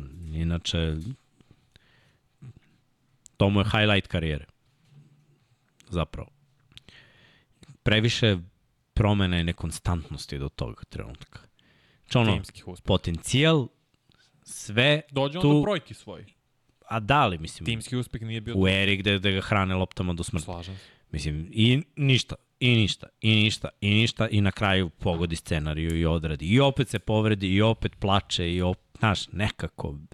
A ovo ja sa svime time slažem. Ja samo kažem, neki ljudi nabroje 10 krilnica, evo imaju šestoricu, nabrojte još četvoricu ispred Antonija Davisa. Pa pazi, iskreno, stavio bi Krisa Webera Ne mogu bro. Ne mogu. ispred Antonija Davisa. Kako? Zbog čega? Imao je pet, pet puta bio All-Star igrač, Chris Webber. Imao taj period u Sacramento, pre toga malo u Warriorsima. Bio je najbolji igrač te ekipe Sacramento. Dobro i dok su Baš je, ovo, pa dokle stigli do finala, pokradeni. Čekaj, samo reci ovo. Realna priča, da su prošli Lakers-e, uzeli bi. Koje su to godine bilo? 2002. Jel da? Išlo bi na Nece, ne znam. Ma, brate, niko na istoku nije imao šanse. Pazi, kad ekipe iz istoka su bile u fazonu, ono, nemamo šta da radimo protiv. Moses Malone, Mogu s Meloni centar. centar. Ajde vidimo iz te ere 2000-ih. Ajde, nabrajte. Be. Slabo ih je bilo krilnih centara 2000-ih. Pa ne, ta Gar- era je zapravo Novicki, Dirk, Da, i uh, Garnett. Garnett, Duncan. Ej, mi ovde, ej, ovo naš kadar. Mi ovde radimo šta mi hoćemo. Anarhiju pravimo po studiju.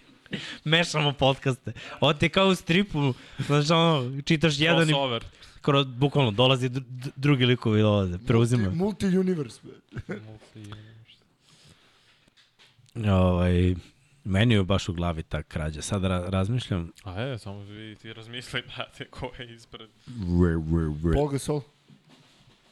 Pa i... Paul Gasol ima taj period u Lakersima, kad je on izrastao All-Star igrača. Dobro bi. I njemu se poklopilo da dođe u Lakers. Jeste, da. Chris Bosh. Ali je bio, mnogo si više na njega I mogao da se se- osloniš nego što si mogao da se osloniš na... poklopilo, Ali Boš isto može bude top 10. Boš je, brate, vodio... A Maris Stoudemire, Sean Kemp. Ne. Ne, man, pri, ispred Anthony Davisa nikoga. Horace Pa Grant. mogu, brate, isto, ja sve isto. Sve Horace isto. Grant. Sve Ne. isto, brate. Zašto Horace Grant? Sve isto kao i, kao i Anthony Pa, Davis. on nije Zapravo, isto pa, ofanzivniji i defanzivni je bolji, mnogo od Anthony Davis. Od Shona Kempa i ko je bio drugi, kog si nabrao. A Maris Horace Stoudemire. Grant i od Marija, pa a Maris Stoudemire je pick and roll igrač. Solidan sa pol distanca, Davis je bolji, bolji šut, veći distanca, bolji odbrambeni igrač mnogo. manje na terenu. Pa isto Demar ima probleme sa faulom, sa pro, b, povredama kad je došao Nix. Nije To je bilo, to je bio deda već. Bio, nije Ma, bio mislim, bio istrošio se. Nije bio Prime. Kako Prime je bio samo u Phoenixu. Ima je pet Šta ima, godina tri i to je to. prime? Četiri. Pa koliko ima, koliko ima Davis? Isto toliko. Pa nije, evo sad ćemo ući. Evo sad ćemo da čekaj. Mislim, znaš kako, ja gledam Davisovu karijeru, Šta ti da pravim? Ih bio je osam puta... tri godine od Davisu priznajem, tri godine u New Orleansu, u, gleda, da se razumemo, na tom nivou najboljih svih vremena. Tri godine u New Orleansu da bi se unovčio da dođe jednu godinu u Lakersima da bude na tom nivou. On u Lakersima imao jednu godinu i to je bila bubble godina, šampionska godina. Pa predvodio ligu blokadama tri puta. Jeste, Osam puta je All-Star igrač, četiri puta je All-NBA i All-Defensivni tim. jeste. Takva era. Ne, okej, okay, ali ja ti samo kažem, evo, beležio je u proseku za karijeru 24 pojena 10 skokova. Jeste. Ovo ja Opet- razumem, ja prvi kažem da su brojke prenapumpane poslednjih 5 godina, ali to je više za bekove. Možda čak i, pa i nije za njega, je, brate, mnogo dobio loptu u New Orleansu. U jednom trenutku New Orleansu Barkley je dobio bilo... mnogo u Sancima. Jeste, činjenica. Našao činjenica. jednu I on, on to i priča. Barkley to za sebe i kaže. Igrao sam u lošem timu gde sam bio jedina lop, opcija, Dirk lopte je su išle samo meni. Dallasu. Njemu su išle lopte. Po... Iz dobro, Srki. Zakačio si nešto. Ali su nekako, naš, na drugačiji način nosili ekipu i primerom i kroz uspehe dru, drugačije voćstvo bilo. To je možda, znaš šta, Anthony Davis nije bio glavni u momentu Ja se osvajanja. slažem s nego da, bio, da, da. Ne, tu- ne poenter, nego lider, lider. Alfa, ja, ne, ja se s tim slažem. A ovamo je Ali Barkley- Chris Weber nikad nije bio to isto. Nije ni Amari Ali Stoudemire. Chris Webber je bio najbolji igrač u svom timu. I vodio je ekipu. I okupio ih je oko sebe i napravio, gledaj, taj Sacramento nikad ne bi postao ti, ti koliko četiri godine su oni bili relevantni na zapad. Samo je zapad bio bezobrazno krcat. Pa dobro, i ovde je bio, kad je ovaj bio Pelicansima bez obrazov karta, isto. Nisu mogli da prođu nikako i nisu okupili tim oko Ali njega ovi su realno. ulazili u play-off, a Pelicansi nisu ulazili u play-off. Ili, mislim, ulazili ušli, i uđu i izađu. Pa znam, ali nije imao tim oko sebe. To je imao jedne godine kad su izbacili Portland i onda se Kaznic povredio Liga ovo, Ahilo Ko pokoj. nam još ostaje kao notable mentions? Jermaine O'Neal. Pa on je centar. Poslao sam ti na... Ga vodiš kod... O, Ja, ja, Gde si mi poslao? Na Slack? Aha. Ajde da vidimo šta je Srki poslao. Gde, brate? Koji kanal? O, Jen, jen. Aha, evo ga. Aha. Chris Webber imao ozbiljan pad u svojoj igri nakon tog Sacramento. Da, evo ga sad, Srki krenuo ovde po istoriji, kopamo. O, Bob Bože. Petit. Imao je i povrede, e, povrede, bože, probleme s povredama Chris Webber. Nije on je ništa bolji bio što se tiče igranje. Pa gledaj, u onoj Meni jednoj, u jednoj, jednoj eri koju je vezao, u jednoj, v- E, Evo ti mi je kad je vezao 75, 70, 54, 67.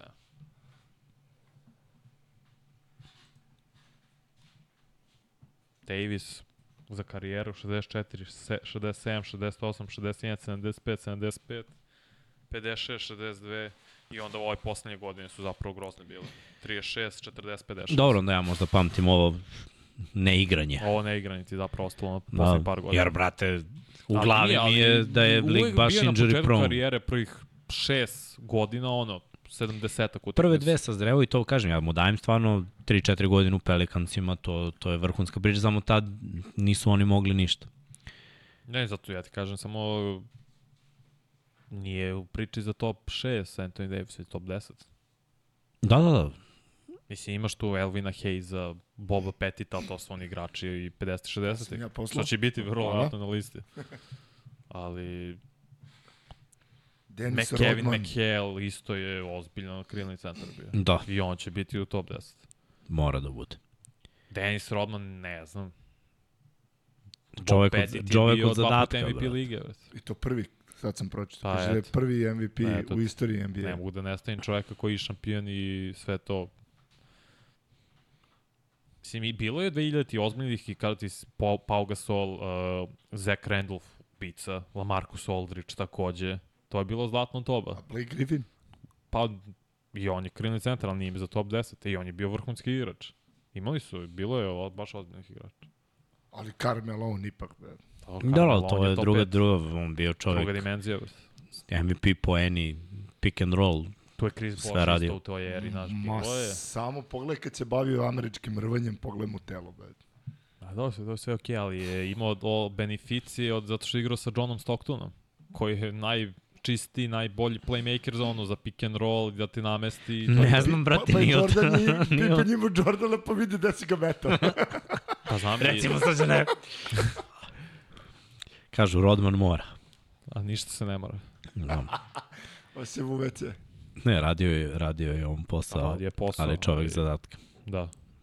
E, Upravo to. James Worthy, Vort je trojka, pa spom, bio 11. prvo juče prekiče. prekiče. krađa.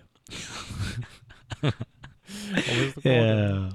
Dobro, ajde da reprijemo jedan na jedan, ali napravili smo on dobru uvertiru. I sad špita Srke. radimo, radimo na čežnju. Šest sati kasnije. Draymond Green isto, tu je u konverzaciji, on je krilni centar, tehnički. Uh, mora Draymond, brate, Draymond, Devin Hester. Devin Hester. I Dion Sanders. Ajmo top 5 najboljih kick-off returnera. Percy Harvin, Devin Hester, Devin Hester. Dion Sanders, Dion, Ion, dobro. uh, uh, And, Andre Hall. Anthony, o, Antonio Brown. I Pa, brate, Kick. moram da kažem i Terry Hill, zato što su mu rekli ne možeš više da vraćaš, ali dok je vraćao, dominirao je. Nikad neće se boriti kad je Brown pregazio čoveka, mučan kako ga šutnuo ovog kikera. Brown sa Pantera. Pantera bez ikakvog razloga. Maj Gary, leteći u glavu. U grudi, u stvari. Tu je, blizu glave bilo baš. Dante Hall je bio ozbilj. Je Dante Hall beš? Da. U Texansima Ne. imaš cornerbacka ovog. Što je bio u Commandersima. I on isto Holt se preziva. A ne znam da li je on vraćao. Bez kose, ćelavi, sa bradom, što mu je izlomio nogu Deandre Hopkins na Hard Knocksu kad Mm. je pokidao i završio malo te Nije on. Nego iz Chiefsa. Kako se zvao ovaj Borazer iz Chiefsa? Ubica, ovaj returner. Pa i Terry Hill je počeo ne, returner. ne. Da, da, da. Sad ću naći. Ne mogu se. To su bili ti prvi medeni koji su se igrali. Ozbiljno je bio returner. Andre mi je nešto u glavi. Sad ću da nađem. Chiefs Kick-off punt returner. Pa jeste Dante Hall.